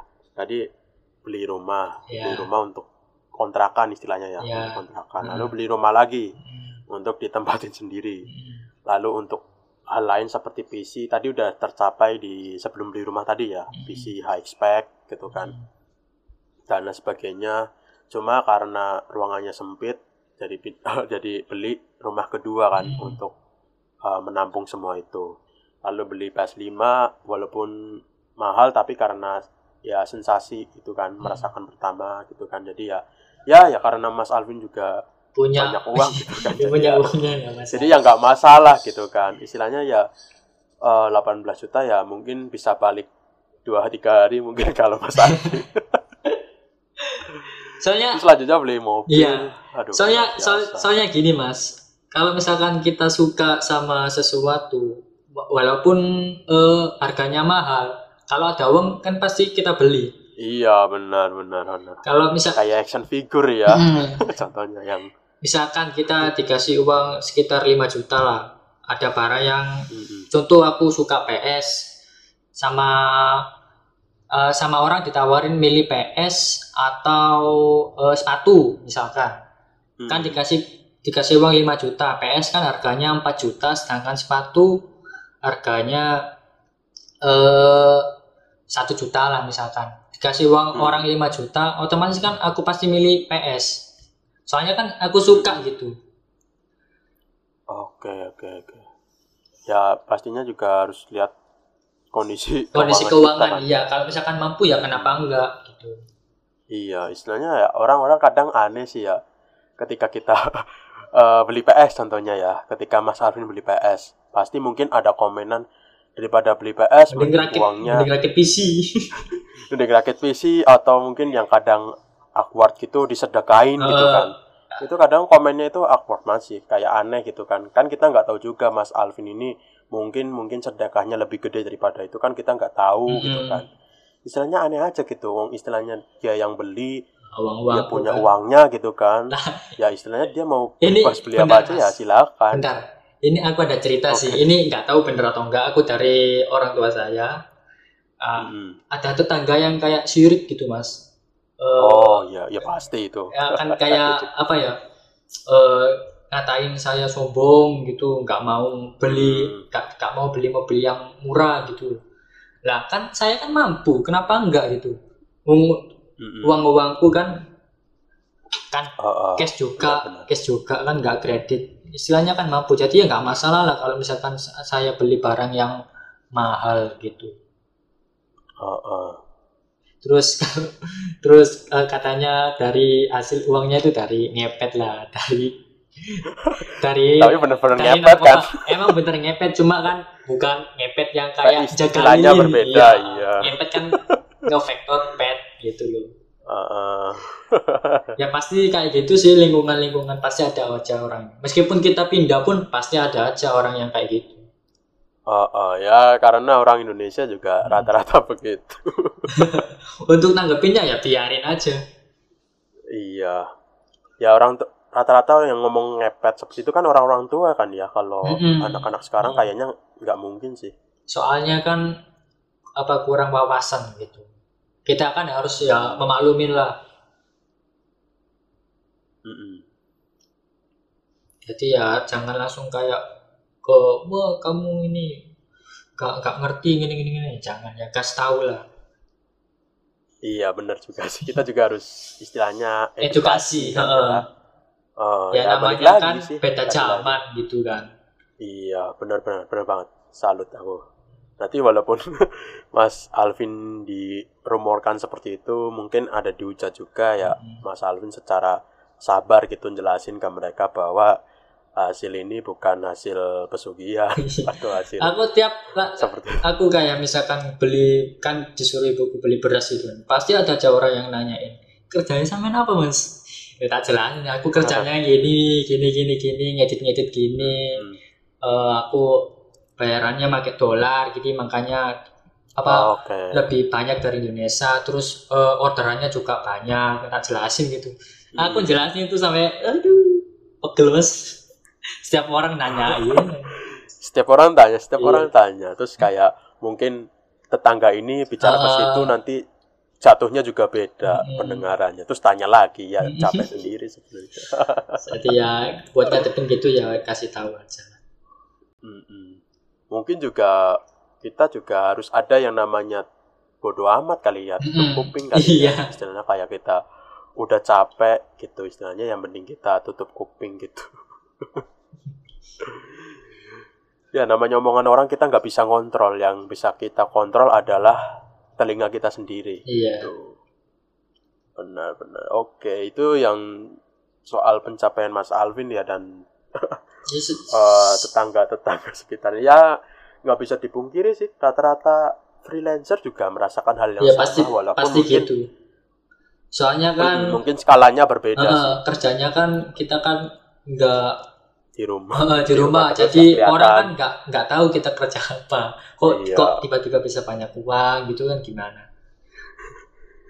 nggak kelihatan kan Eh, bahkan mungkin kayak Mas Alvin kan kerjanya malam gitu kan aku juga sama malam kan eh, istilahnya apalagi ketika ngepet. tetangga nyepet kan apalagi yang nyepet kan biasanya kan malam-malam mas oh iya benar jadi dikiranya itu pesugihan gitu Iya. kan padahal kita emang kerjanya malam gitu Mm-mm. menyesuaikan eh, jam kerja mereka Hmm. dan ketika tetangga lihat kita kita lihat lagi tidur mungkin atau lihat lagi pakai pakai pakaian yang nggak siap gitu istilahnya kayak benar-benar kayak nganggur gitu Iya. ketika tetangga lihat. Tapi tahu-tahu udah punya banyak uang bisa beli ini itu gitu.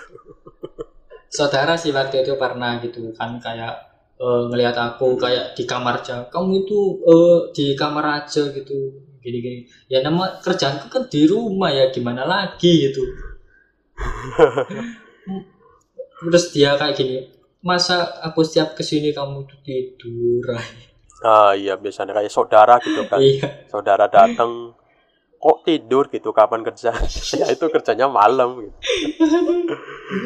Ya kan ya ya aku sih bersyukur sih untuk eh, keadaanku yang seadanya Oke, apalagi bisa ngasih kayak pekerjaan ke orang-orang kayak misalkan memberku itu banyak mas yang kayak masih sekolah gitu dia bisa beli laptop terus beli HP beli Hmm, beli motor Iya hasil kerjaannya gitu ya aku sih seneng gitu ngelihatnya gitu. Ada yang Hmm. sempat waktu itu mas eh, ada yang kayak curhat gitu ke saya kayak dia harus kan orang tuanya udah nggak ada dia harus kayak eh, oh iya iya. eh, ngas apa ngasih makan adik-adiknya gitu loh kayak membiayai adik-adiknya gitu. Mm-mm. aku sih ya cukup seneng sih nge- ngedengernya bisa kayak nge- ngebantu ekonomi lah istilahnya Mm-mm. Iya sih sama. Iya, aku juga gitu sih ketika timku gitu kan. Kan ada yang masih kuliah bisa eh, istilahnya bisa bayar UKT-nya, Hmm. bisa bayar uang kuliahnya itu ya seneng gitu. soalnya aku sendiri kan ya pernah ngerasain apa yang mereka rasain gitu waktu benar. zaman zaman sekolah disandingin sama kerja. Dulu sama sama guruku pernah disindir aku waktu itu. Gimana tuh? kan waktu itu kan ada kayak kerjaan yang miss gitu loh mas. Mm-mm. ada yang nggak ke nggak ke garap satu gitu terus sama guru aku disindir. Kamu lebih mementingkan eh, uang daripada pendidikan. Tapi ya udah ya mau Toh ya juga apa ya nilai nggak ngaruhin gitu semua kan Mm-mm. istilahnya kayak ah itu benar-benar ya tergantung kita sendiri aja Iya. sih Cuk, sebenarnya Mm. oke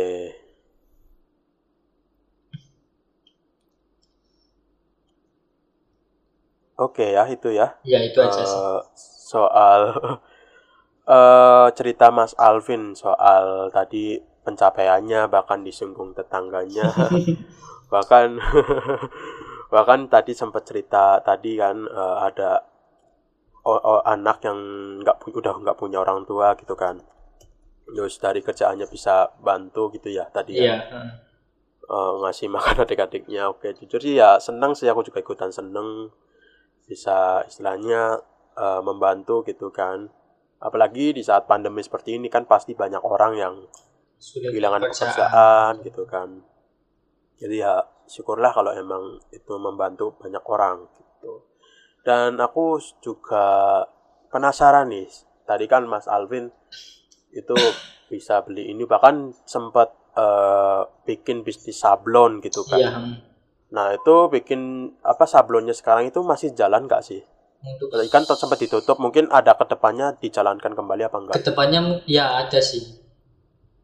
Ada Hmm, ngejalanin oke. lagi.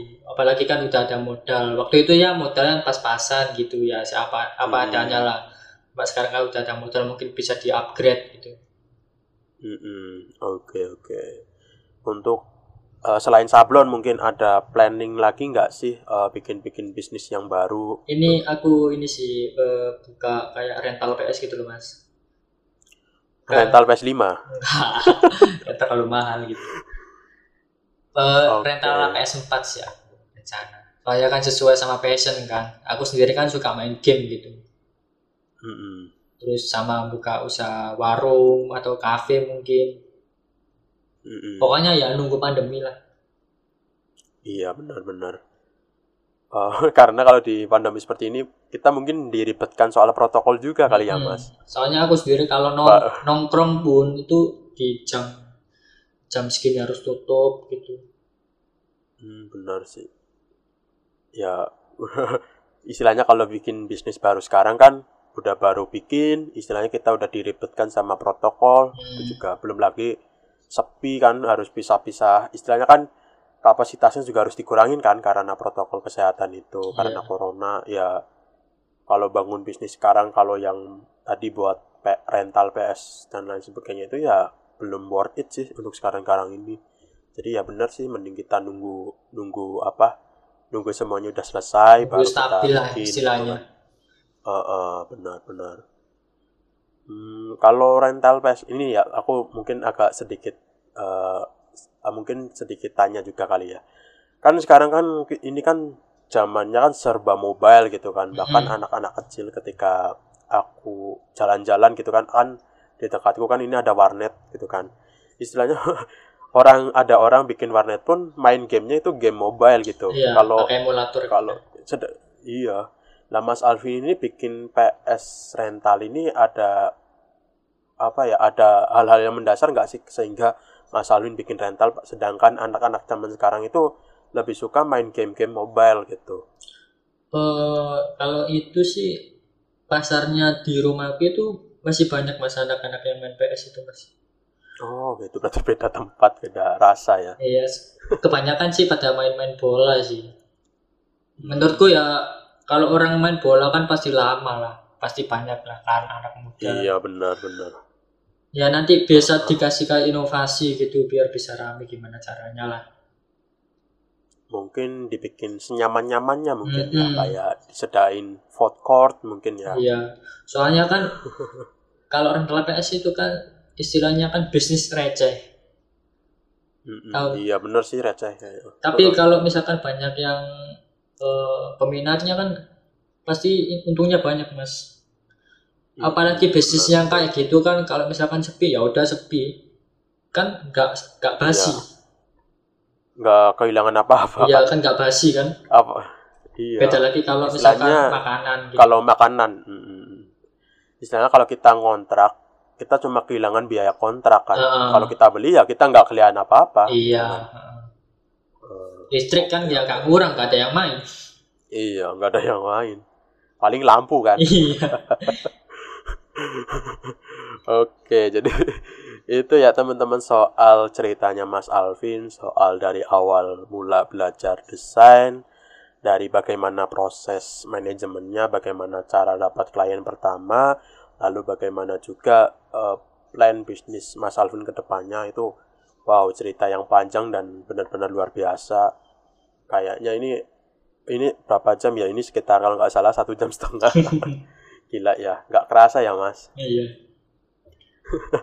Oke, setelah kita sudah mendengarkan cerita dari Mas Alvin, lalu eh, saya juga kemarin sudah mengumpulkan pertanyaan dari Instagram ataupun WhatsApp dari sobat freelancer yang tanya. Namun, pertanyaannya itu sebenarnya banyak yang masuk. Dari Instagram sendiri itu kalau nggak salah itu ada 16-an.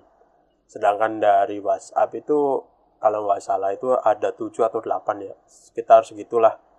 Namun karena pertanyaannya itu basic atau pertanyaannya itu sudah dijawab pada topik tadi sebelum sesi pertanyaan sudah dibahas tadi aku mengumpulkan pertanyaan-pertanyaan yang unik yang memang uh, apa ya yang nggak menyinggung topik yang memang off out the box gitu istilahnya.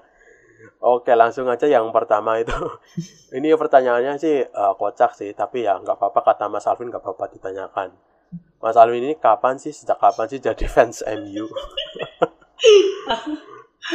Aduh aku fans MU itu waktu kecil sih SD waktu itu Waduh Gak dari kecil malah ya uh, dari PS Winning Eleven waktu itu oh, main iya, iya. Winning Eleven hmm. iseng lah main bola pakai klub MU. Waktu itu aku suka Juventus, Mas. Juventus oh, karena oh. ya karena Juventus kan cuma ikut-ikut aja lah. Mm. Terus akhirnya main bola, nemu tim MU, akhirnya ya itu suka langsung suka. Gara-gara pemain namanya Wayne Rooney ngegolin itu bikin hmm. bikin aku menang akhirnya ya suka uh. sampai sekarang ya karena aku nggak terlalu suka bola jadi nggak aku bahas ya nggak terlalu bahas ya kita lanjut aja pertanyaan selanjutnya oke yang kedua itu ini dari WhatsApp ya cuma nomornya itu nggak ada namanya jadi ini pertanyaannya. Apa suka dukanya menjadi bos atau leader pet? Suka duka mungkin suka dulu ya. Mm -mm. kalau suka sih menurutku ya itu tadi gajinya uh, lebih lebih banyak dari uh, member biasanya lah istilahnya. Orang biasanya uh, iya terus uh, kita bisa uh, dapat stok dari uh, orderan biasanya gitu loh misalkan kalau misalkan aku kan udah kerjasama sama perusahaan kan otomatis kan stok kan konsisten gitu mas Mm-hmm. Beda lagi kalau misalkan Fiverr jadi kita kan nunggu orang datang, nunggu orang beli. Oh, oh. Jadi iya, benar. itu sih. Uh-uh. Kalau menurutku Lalu untuk dukanya? Untuk dukanya oh, itu okay. kalau untuk duka ya itu tadi pending. Hmm, gaji iya, pending. Iya, tadi ceritain. Uh, resi- resikonya kan gede gitu. Oh, oh benar. Terus uh, ngurusin member-member yang kadang uh, double lah istilahnya terus sama ngatur-ngatur uh, jadwal aku aku bisa dibilang ini orangnya itu jarang ada waktu sih mas mm -hmm. soalnya kan kerajaan kan beda sama orang-orang biasanya gitu uh, uh. jadi kalau misalkan ada uh. ada acara gitu aku harus ngatur jadwal dulu gitu harusnya mm -hmm jadi nggak bisa harus uh, kayak mendadak, uh, gitu, ya. gitu ya itu sih oke okay. oke okay. jadi bisa dibilang tadi aku uh, ngundang Mas Alvin jadi sebuah uh, apa ya sebuah kesempatan ya karena Mas Alvin juga jarang ada waktu mm -hmm. sedangkan Mas Alvin itu mau gitu diajak uh, jadi narasumber jadi ya aku terima kasih banget sekali lagi. Siap siap sama-sama. Walaupun Mas Alvin itu jarang ada waktu, namun uh, sempat untuk membagikan pengalaman Mas Alvin ke ke teman-teman freelancer di sini. Dan juga ini juga aku sorot lagi bahwa semakin gede gaji atau penghasilan kita juga semakin gede resikonya ya. Mm-hmm. Itu kayaknya di mana-mana se seperti itu. Jadi istilahnya ya apa ya kita jangan terlalu hmm, bilang bahwa wah enaknya jadi Mas Alvin, wah enaknya jadi pospet bisa beli mobil, bisa beli rumah.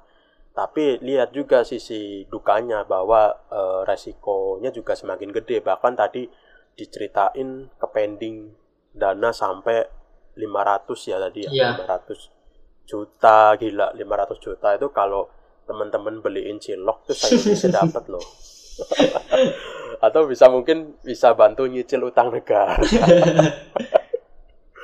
gila 500 juta tuh 500 juta kalau teman-teman nggak punya dana apa-apa kalau teman-teman itu manajemen keuangannya buruk bingung tuh pasti. Pasti kerepotan sendiri tuh. Nah itu teman-teman soal uh, resikonya. Lalu yang ketiga nih ini sebenarnya pertanyaan dari aku sendiri sih. Yeah. cuma ini tadi sedikit out eh bukan ketiga ya sorry keempat. Uh, tadi uh, sedikit out dari topik jadi aku tanyakan di sesi pertanyaan. Ini juga pertanyaan, oh tadi pertanyaan ketiga, sorry, salah lagi. Eh, bagaimana cara manajemen keuangan ala Mas Alvin? manajemen keuangan saya sih orangnya bisa dibilang boros sih kalau misalkan apa yang saya suka ya. untuk untuk hal yang saya Beli. suka. Oke, kalau misalkan manajemen uang kayak gaji sendiri itu aku ngaturnya itu biasanya itu ira-ira mas ira-ira itu misalkan dalam seminggu ini dapatnya stok dalam beberapa hari terakhir ini dapatnya berapa itu nanti aku kira-kira misalkan sehari ini dapat 200 150-an aku ambil kas Hmm. ambil kasar 200 per hari berarti 200 kali 7 ap- 1400 ya itu nanti aku Oke. aku aku kira-kira lah nanti jadi aku bisa Mm-mm. kayak ngatur misalkan aku misalkan beli rumah misalkan rumah misalkan 400 sedangkan gaji member itu ada sekitar 50 juta berarti aku harus menyisakan sekitar 100 itu tadi Oke. istilahnya ngira-ngira lah dikira-kira dulu Oke. gaji member berapa gitu nanti aku bisa sisanya ya buat aku sendiri misalkan buat kesenanganku sendiri lah barang-barang yang aku suka gitu Oke, oke. Kalau Jadi misalkan nggak sempat dicatat ya? Enggak. Jadi aku misalkan kalkula di kalkulasi lah beberapa minggu ini, beberapa hari gitu. Soalnya kan gaji member kan tiap hari, tiap minggu bukan tiap bulan. Oke. Kalau dibilang Oke, jadi boros, ya. mm, kalau dibilang boros ya bisa dibilang boros sih kalau misalkan untuk ah, hal- hal-hal yang aku suka. Kalau misalkan Hmm. Eh buang-buang uang sih ya enggak soalnya kan hitungannya kan aku ada kayak hmm, invest gitu loh mas misalkan aku beli Hmm. PC harga 50 juta itu kan hitungannya kan aku buat kerja bisa kan Oke, iya. bisa buat kerja terus uang kan nanti berkat PC tadi kan bisa balik lagi. Oke. terus kalau misalkan ada butuh uang ya bisa dijual kan bisa harganya kan ya Mm-mm. kalau dijual kan paling 30 40 lah. Pasti kan turun lah. Kayak Benar, kayak benar. ek- kayak action figure gitu. Itu hitungannya kan invest gitu. Benar benar benar. mungkin bagi orang alah buang-buang duit buat beli mainan. Ya, bagi bagi orang. Kita kan nggak ngerti hobi mereka kayak gimana. Misalkan Ah, iya benar benar. aku dulu gitu mas. Misalkan kayak orang ya beli sepatu harganya jutaan. Aku dulu gitu waktu aku gak punya uang aku ngira Oh, iya sih. aku ngira wah ngapain sih buat buat duit buat beli sepatu sepatu yang 100 ribuan aja lo bisa itu waktu dulu waktu aku pikiranku masih belum apa ya belum luas lah pas aku beli beli kayak PC action figure dengan hasilku sendiri terus eh, aku bisa kayak mampu belinya gitu loh ya ada rasa kepu- kepuasan tersendiri sih Pesan sendiri. Oh, iya, oh. iya iya. jadi eh, menurutku ya bisa dibilang berharga gitu loh. Kalau misalkan orang menurut orang-orang lain kan, wah buat apa sih beli itu beli ini beli itu. Itu sih kalau aku. Iya benar. Oke, ya kayak tadi ya soal kenapa sih beli PS5 18 juta Iya. gitu kan. Ya karena kita punya duitnya ya kita beli gitu Hmm, kan. Hitungannya kan kita punya dua konsol gitu PS4 dan PS5. Oh, oh. Oke, benar. Sama action figure Oke, ini gitu- mas. gitu ya. Action figure kan oh. sama orang ah buat apa sih buat beli mainan. Ya kan kita kan suka hobi gitu. Ya kenapa enggak? Oh. Sekarang kan ada Iya, sih benar-benar. orang yang misalkan ambil contoh eh, orang lihat bola lah. Ada yang ngebelain sampai eh, nekat manjat stadion lah buat nonton. Itu kan otomatis kan dia udah eh, ambil resikonya kan, ambil Ah. apa ya istilahnya ya? Kayak hobi lah, misalkan nonton bola kayak gitu kan hobi. Bisa dibilang hobi lah. Itu kan dia bisa dibilang ya kayak suka atau eh, apa ya? Ya gimana ya sudah saking Udah iya, udah kali ya, udah saking sukanya jadi dia bisa ngelakuin sama ngelakuin ya, apa aja. itu. Ya sama sih kayak aku. Aku suka ini ya Heeh. Aku sampai rela habisin uang ya nggak masalah buat kesenanganku sendiri. Kalau misalkan ada orang yang mending uangnya buat uh, sedekah gini. Kan ada sih mas gitu mas pasti mas. Ya kan? Ya iya tadi Ya. udah disinggung kan. Ya namanya kan sedekah kan kita kan nggak harus eh ngasih tahu. Pamerin Oh, lah gitu. istilahnya. Ya namanya sedekah ya aslinya ya gak gitu Hmm. sih cuma ya tergantung masing orang-orang gimana responnya sedangkan mungkin kita beli ini eh, itu kan untuk kesenangan pribadi Oh, toh oh. juga dari beli itu kita juga nggak jadi miskin istilahnya juga kita sudah iya, mempertimbangkan mempertimbangkan. keuangan pribadi kita itu kan nggak mungkin kita lagi kesusahan beli action figure 15 juta kan nggak mungkin nggak mungkin kan kita Saya harus sampai eh, pinjam orang duit buat beli itu kan nggak mungkin Iya, itu kan nggak mungkin. Iya benar. Jadi ya kembali lagi gitu. Kita beli itu juga sudah mempertimbangkan keuangan kita. Kit- Aku juga dulu sempat berpikiran gitu kan. Orang beli mainan, beli ini yang paling paling lucu sih orang beli baju outfit gitu kan. ya ratusan juta kan gitu. kadang mm-mm, nggak- nggak- aku kadang gitu kadang nggak apa ya nggak nyangka gitu antara jaket ini dengan jaket itu jaket yang murah istilahnya itu kan eh, tampilannya hampir hampir sama tapi kok kenapa orang-orang bisa mau gitu beli jaket ratusan juta mungkin.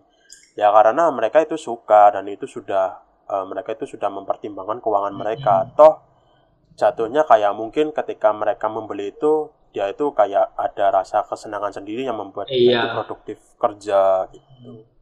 Jadi ya kembali lagi ke masing-masing orang sih. Jadi istilahnya ya kita jangan cepat-cepat nyinyir lah jangan cepat-cepat dramain lah istilahnya Iya. ya kita justru bikin drama juga justru bikin buang-buang waktu juga sih kalau aku.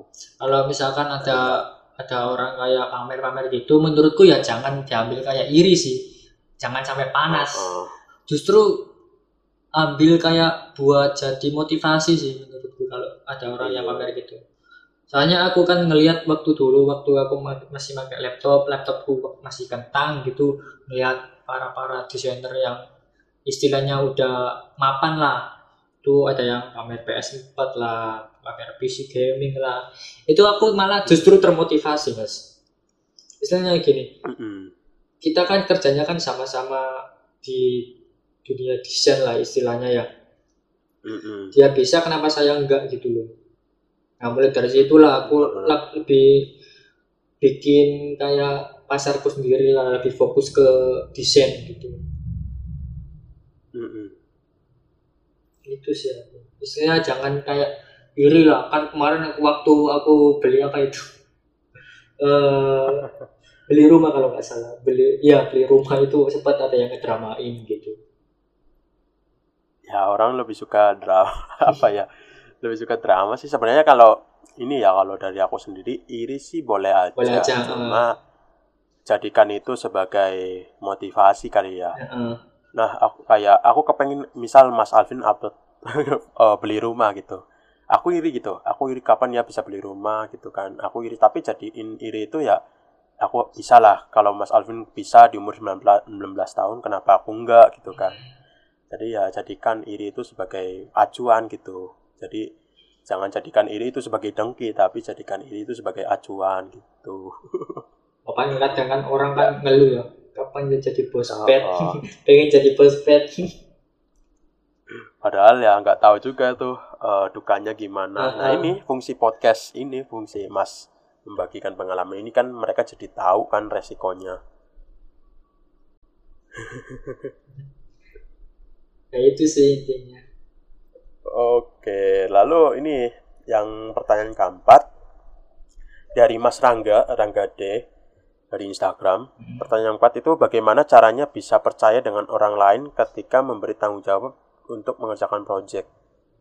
Eh, ini udah tadi ya? Belum deh, belum. eh belum belum itu Belum ya. Oke, oke. Silakan Mas Alvin.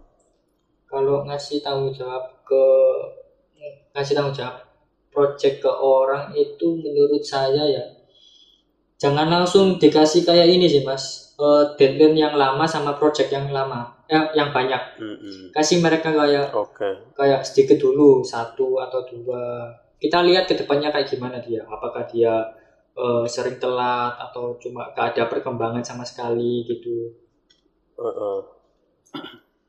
itu sih aku kalau misalkan ngasih tanggung jawab jadi kalau misalkan dia sewaktu-waktu ada kayak ke cancel atau ada apa gitu toh deadline-nya kan beda sama yang lain jadi aku bisa kayak ada member lain yang bisa nge-handle gitu Oke. itu sih. Itu ya teman-teman. Oke. Lalu pertanyaan kelima itu gimana cara ngatur waktu antara tugas kuliah dengan ngerjain orderan? Walaupun ini udah tahu nggak kuliah sih Mas Alwi.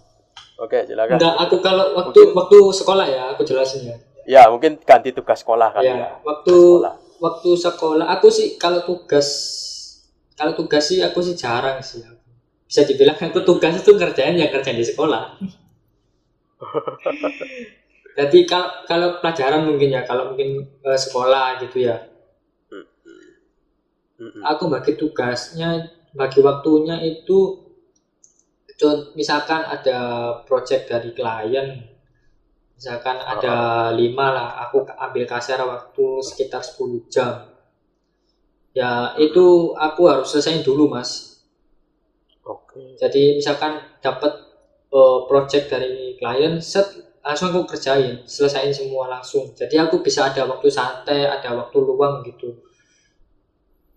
atau waktu sekolah waktu sekolah pun eh, sempet eh, ini sih gak kerja gak, gak tidur waktu itu Mm-mm. Soalnya kan sekolahnya kan pagi gitu Mm-mm. istilahnya ya kerjain dulu sih projectnya Oke. kalau misalkan Jadi di sekolah boleh Oh. bawa laptop ya bisa dikerjain di sekolah cuma Kerjain. ya nunggu jangan waktu pelajaran dikerjain gitu uh, uh. mungkin jam Oh, anak istirahat multimedia ya tadi ya. Mm, SMK-nya multimedia ya, Iya. jadi bisa bawa laptop. Hmm. ya itu sih Ya kayak aku dulu sih, Ya. bisa bawa laptop ke sekolah. ya intinya kalau dapat project langsung dikerjain gitu jangan Hmm. dianggurin gitu. Oh, oh. Jadi bisa dibilang Mas Almi itu nggak melupakan tugas ya, beda kayak tamu kemarin. kenapa tuh tahu tahu kemarin Mas Nabil itu bisa dibilang kayak sempat menyanyiakan tugas karena kan di pandemi ini malah tugasnya lebih banyak ketimbang sekolah yang offline gitu oh Mas.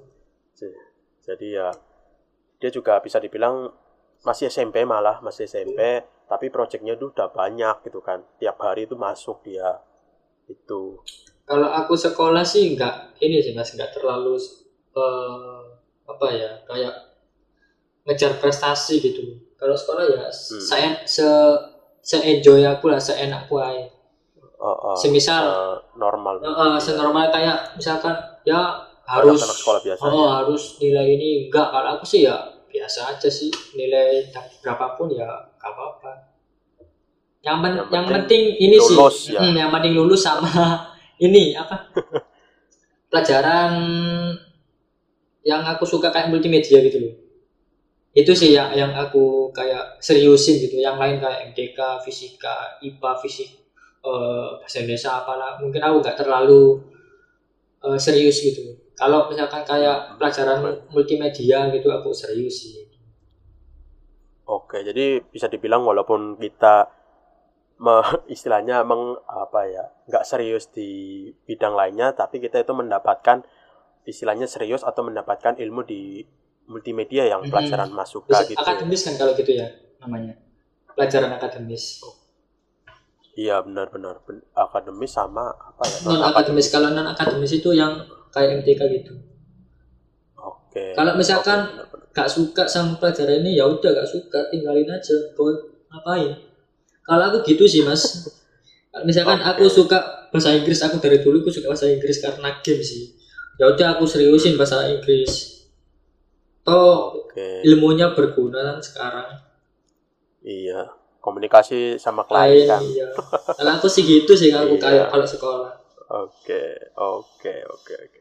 Jadi bisa dibilang Mas Alvin ini ini seri, eh, seriusin pelajaran yang suka gitu, yang Hmm, yang saya sukai kalau nggak saya sukain ya Hmm. biarin kalau dapat tugas Ya, ya, kerjain aja ya, gitu ya. ikut aja nggak sampai sampai ikut-ikut kayak lomba gitu Oke, oke, oke. Itu ya teman-teman soal ngatur waktu tugas ya tugas sekolah ya karena Mas Alvin nggak kuliah jadi di- diganti tugas sekolah. Lalu pertanyaan selanjutnya itu dari sekolahnya Mas Alvin. Dari SMK IKIP Surabaya. Ini Aduh. aku juga kaget nih. Bisa submit pertanyaan di Instagram Suara Freelancer.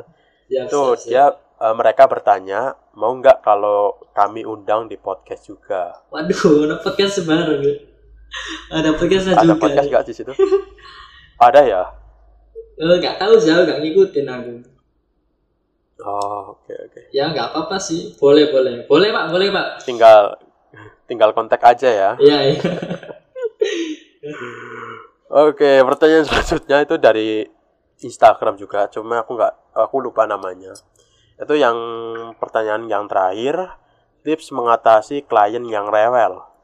Lainnya kayak gimana nih rewel gimana? Harapannya kayak gimana? Masalah revisi atau harga atau gimana? Mungkin kayak ini mungkin ya klien yang rewel mungkin apa ya ini karena stok gitu ya kadang mungkin ada klien yang udah dibuatin udah istilahnya menurut Mas Alvin tim kita itu udah ngerjain bagus sudah mirip tapi klien itu menganggap itu nggak mirip atau Hmm. jelek gitu loh Oh, atau revisinya itu banyak gitu. Kalau itu sih jatuhnya itu aku suruh remake sih mas.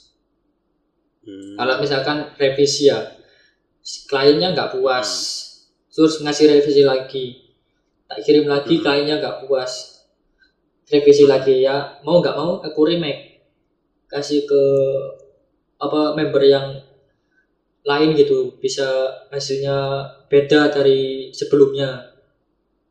Heeh. Itu sih aku kalau misalkan mengurus klien yang rewel masalah revisi. Kalau misalkan kita udah mentok, ya udah kita bilang aja udah mentok. Mentoknya mampunya segitu, ya udah bilang aja. Itu kalau klien, tetap bayar nggak kalau masalah dibayar nggak dibayar ya itu udah resiko sih. oh udah resiko Eh, eh, oke oke anggap saja kayak Fiverr lah. Fiverr kan misalkan di cancel di, ya di cancel ada yang kasih bintang satu untuk mengatasinya ya kita harus buat klien puas misalkan Ah. kalau misalkan klien minta ganti gambar ya kalau kita nggak mau kayak dikasih bintang satu atau di cancel ya kita harus nerima gitu Iya bener banget, bener bener bener. Ya. Relate sih sama yang di Fiverr, jadi ya apa ya kalau namanya Fiverr juga. iya kalau aku sih gitu mas ya Oh, kayak- layanin aja sepuas sepuas mereka toh yang kita kita yang kerjain kan Oh, oh, Enggak. bener bener. nggak nggak sampai kayak nalangin uang lah paling yang kurang yang tenaga ya namanya pekerjaan pasti ada resikonya ya itu tadi Oh, oh, resikonya bener, bener. Jadi bisa dibilang cara mengatasi klien Mas Alvin ini ya kita terima gitu. Istilahnya Hmm. kan toh mereka yang kasih kita kerjaan Hmm. gitu kan. Kalau misal rewel ya itu sudah jadi resiko pekerjaan kita kan. Istilahnya kayak kayak mungkin teman-teman ngelamar kerja gitu kan. Ya istilahnya gajinya gede gitu, tapi bos kita istilahnya orang yang kasih kita kerjaan itu cerewet atau apa ya itu udah resiko. ada resiko Ya. Ya namanya Oh, pekerjaan pasti ada resikonya sama. Mm-mm, bener. Ya, ya sama kayak Fiverr. Fiverr pun kayak kadang gitu kan. Ya ini ya yang aku rasain ya, walaupun eh, kayak misal klien rewel gitu, revisinya rewel, minta ganti gitu, minta ganti.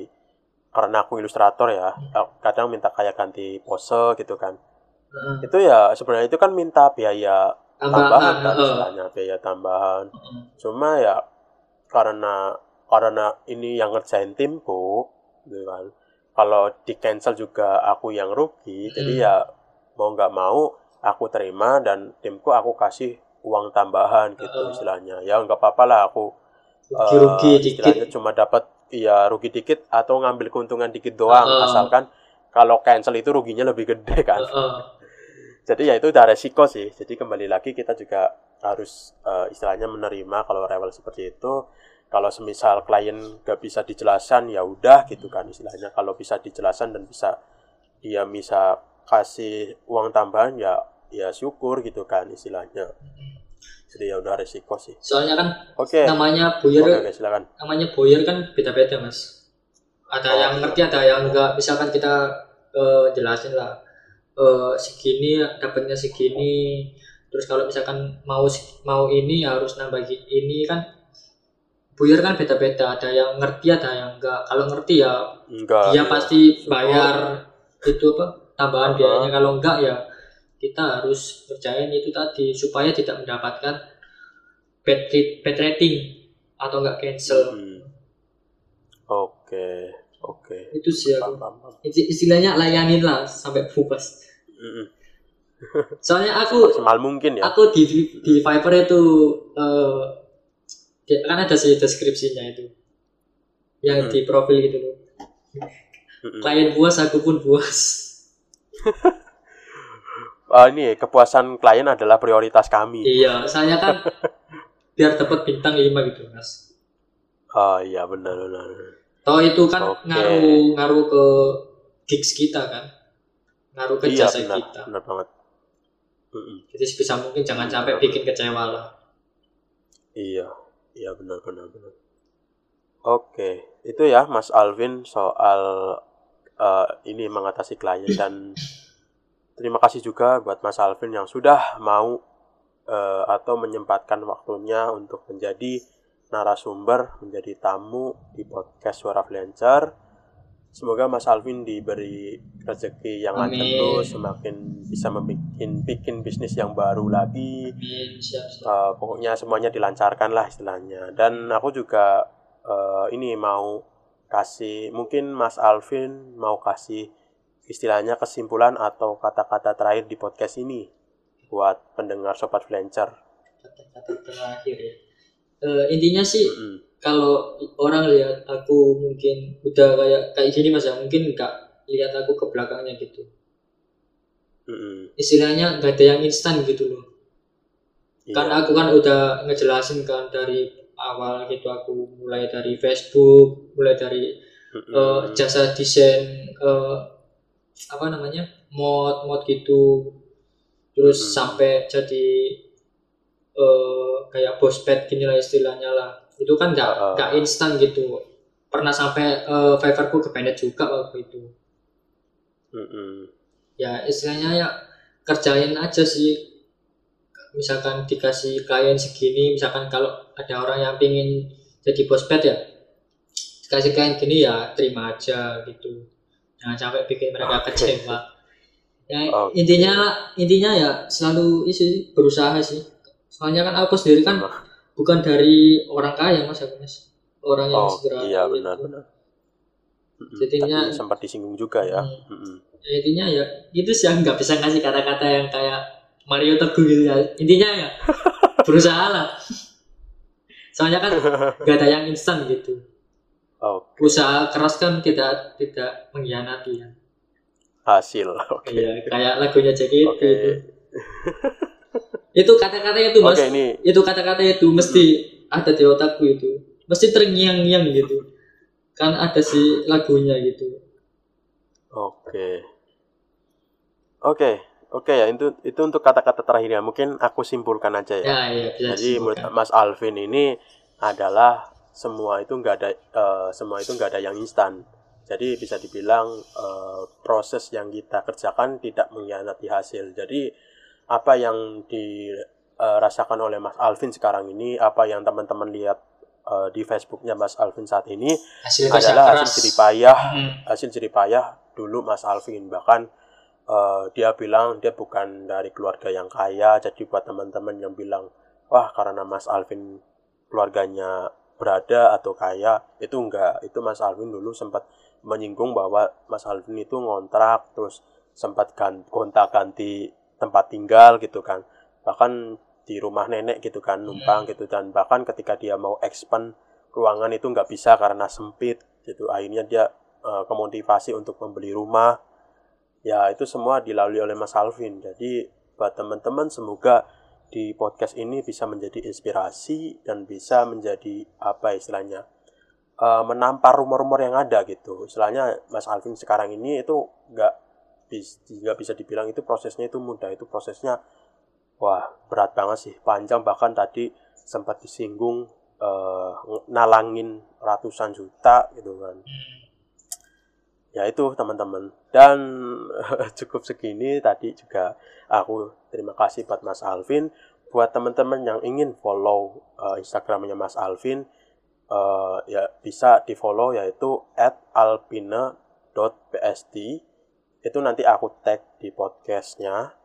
Dan jadi begitu ya buat sobat freelancer semua. Semoga episode kali ini dengan Mas Alvin bisa membawa manfaat kepada sobat freelancer semua yang mendengarkan.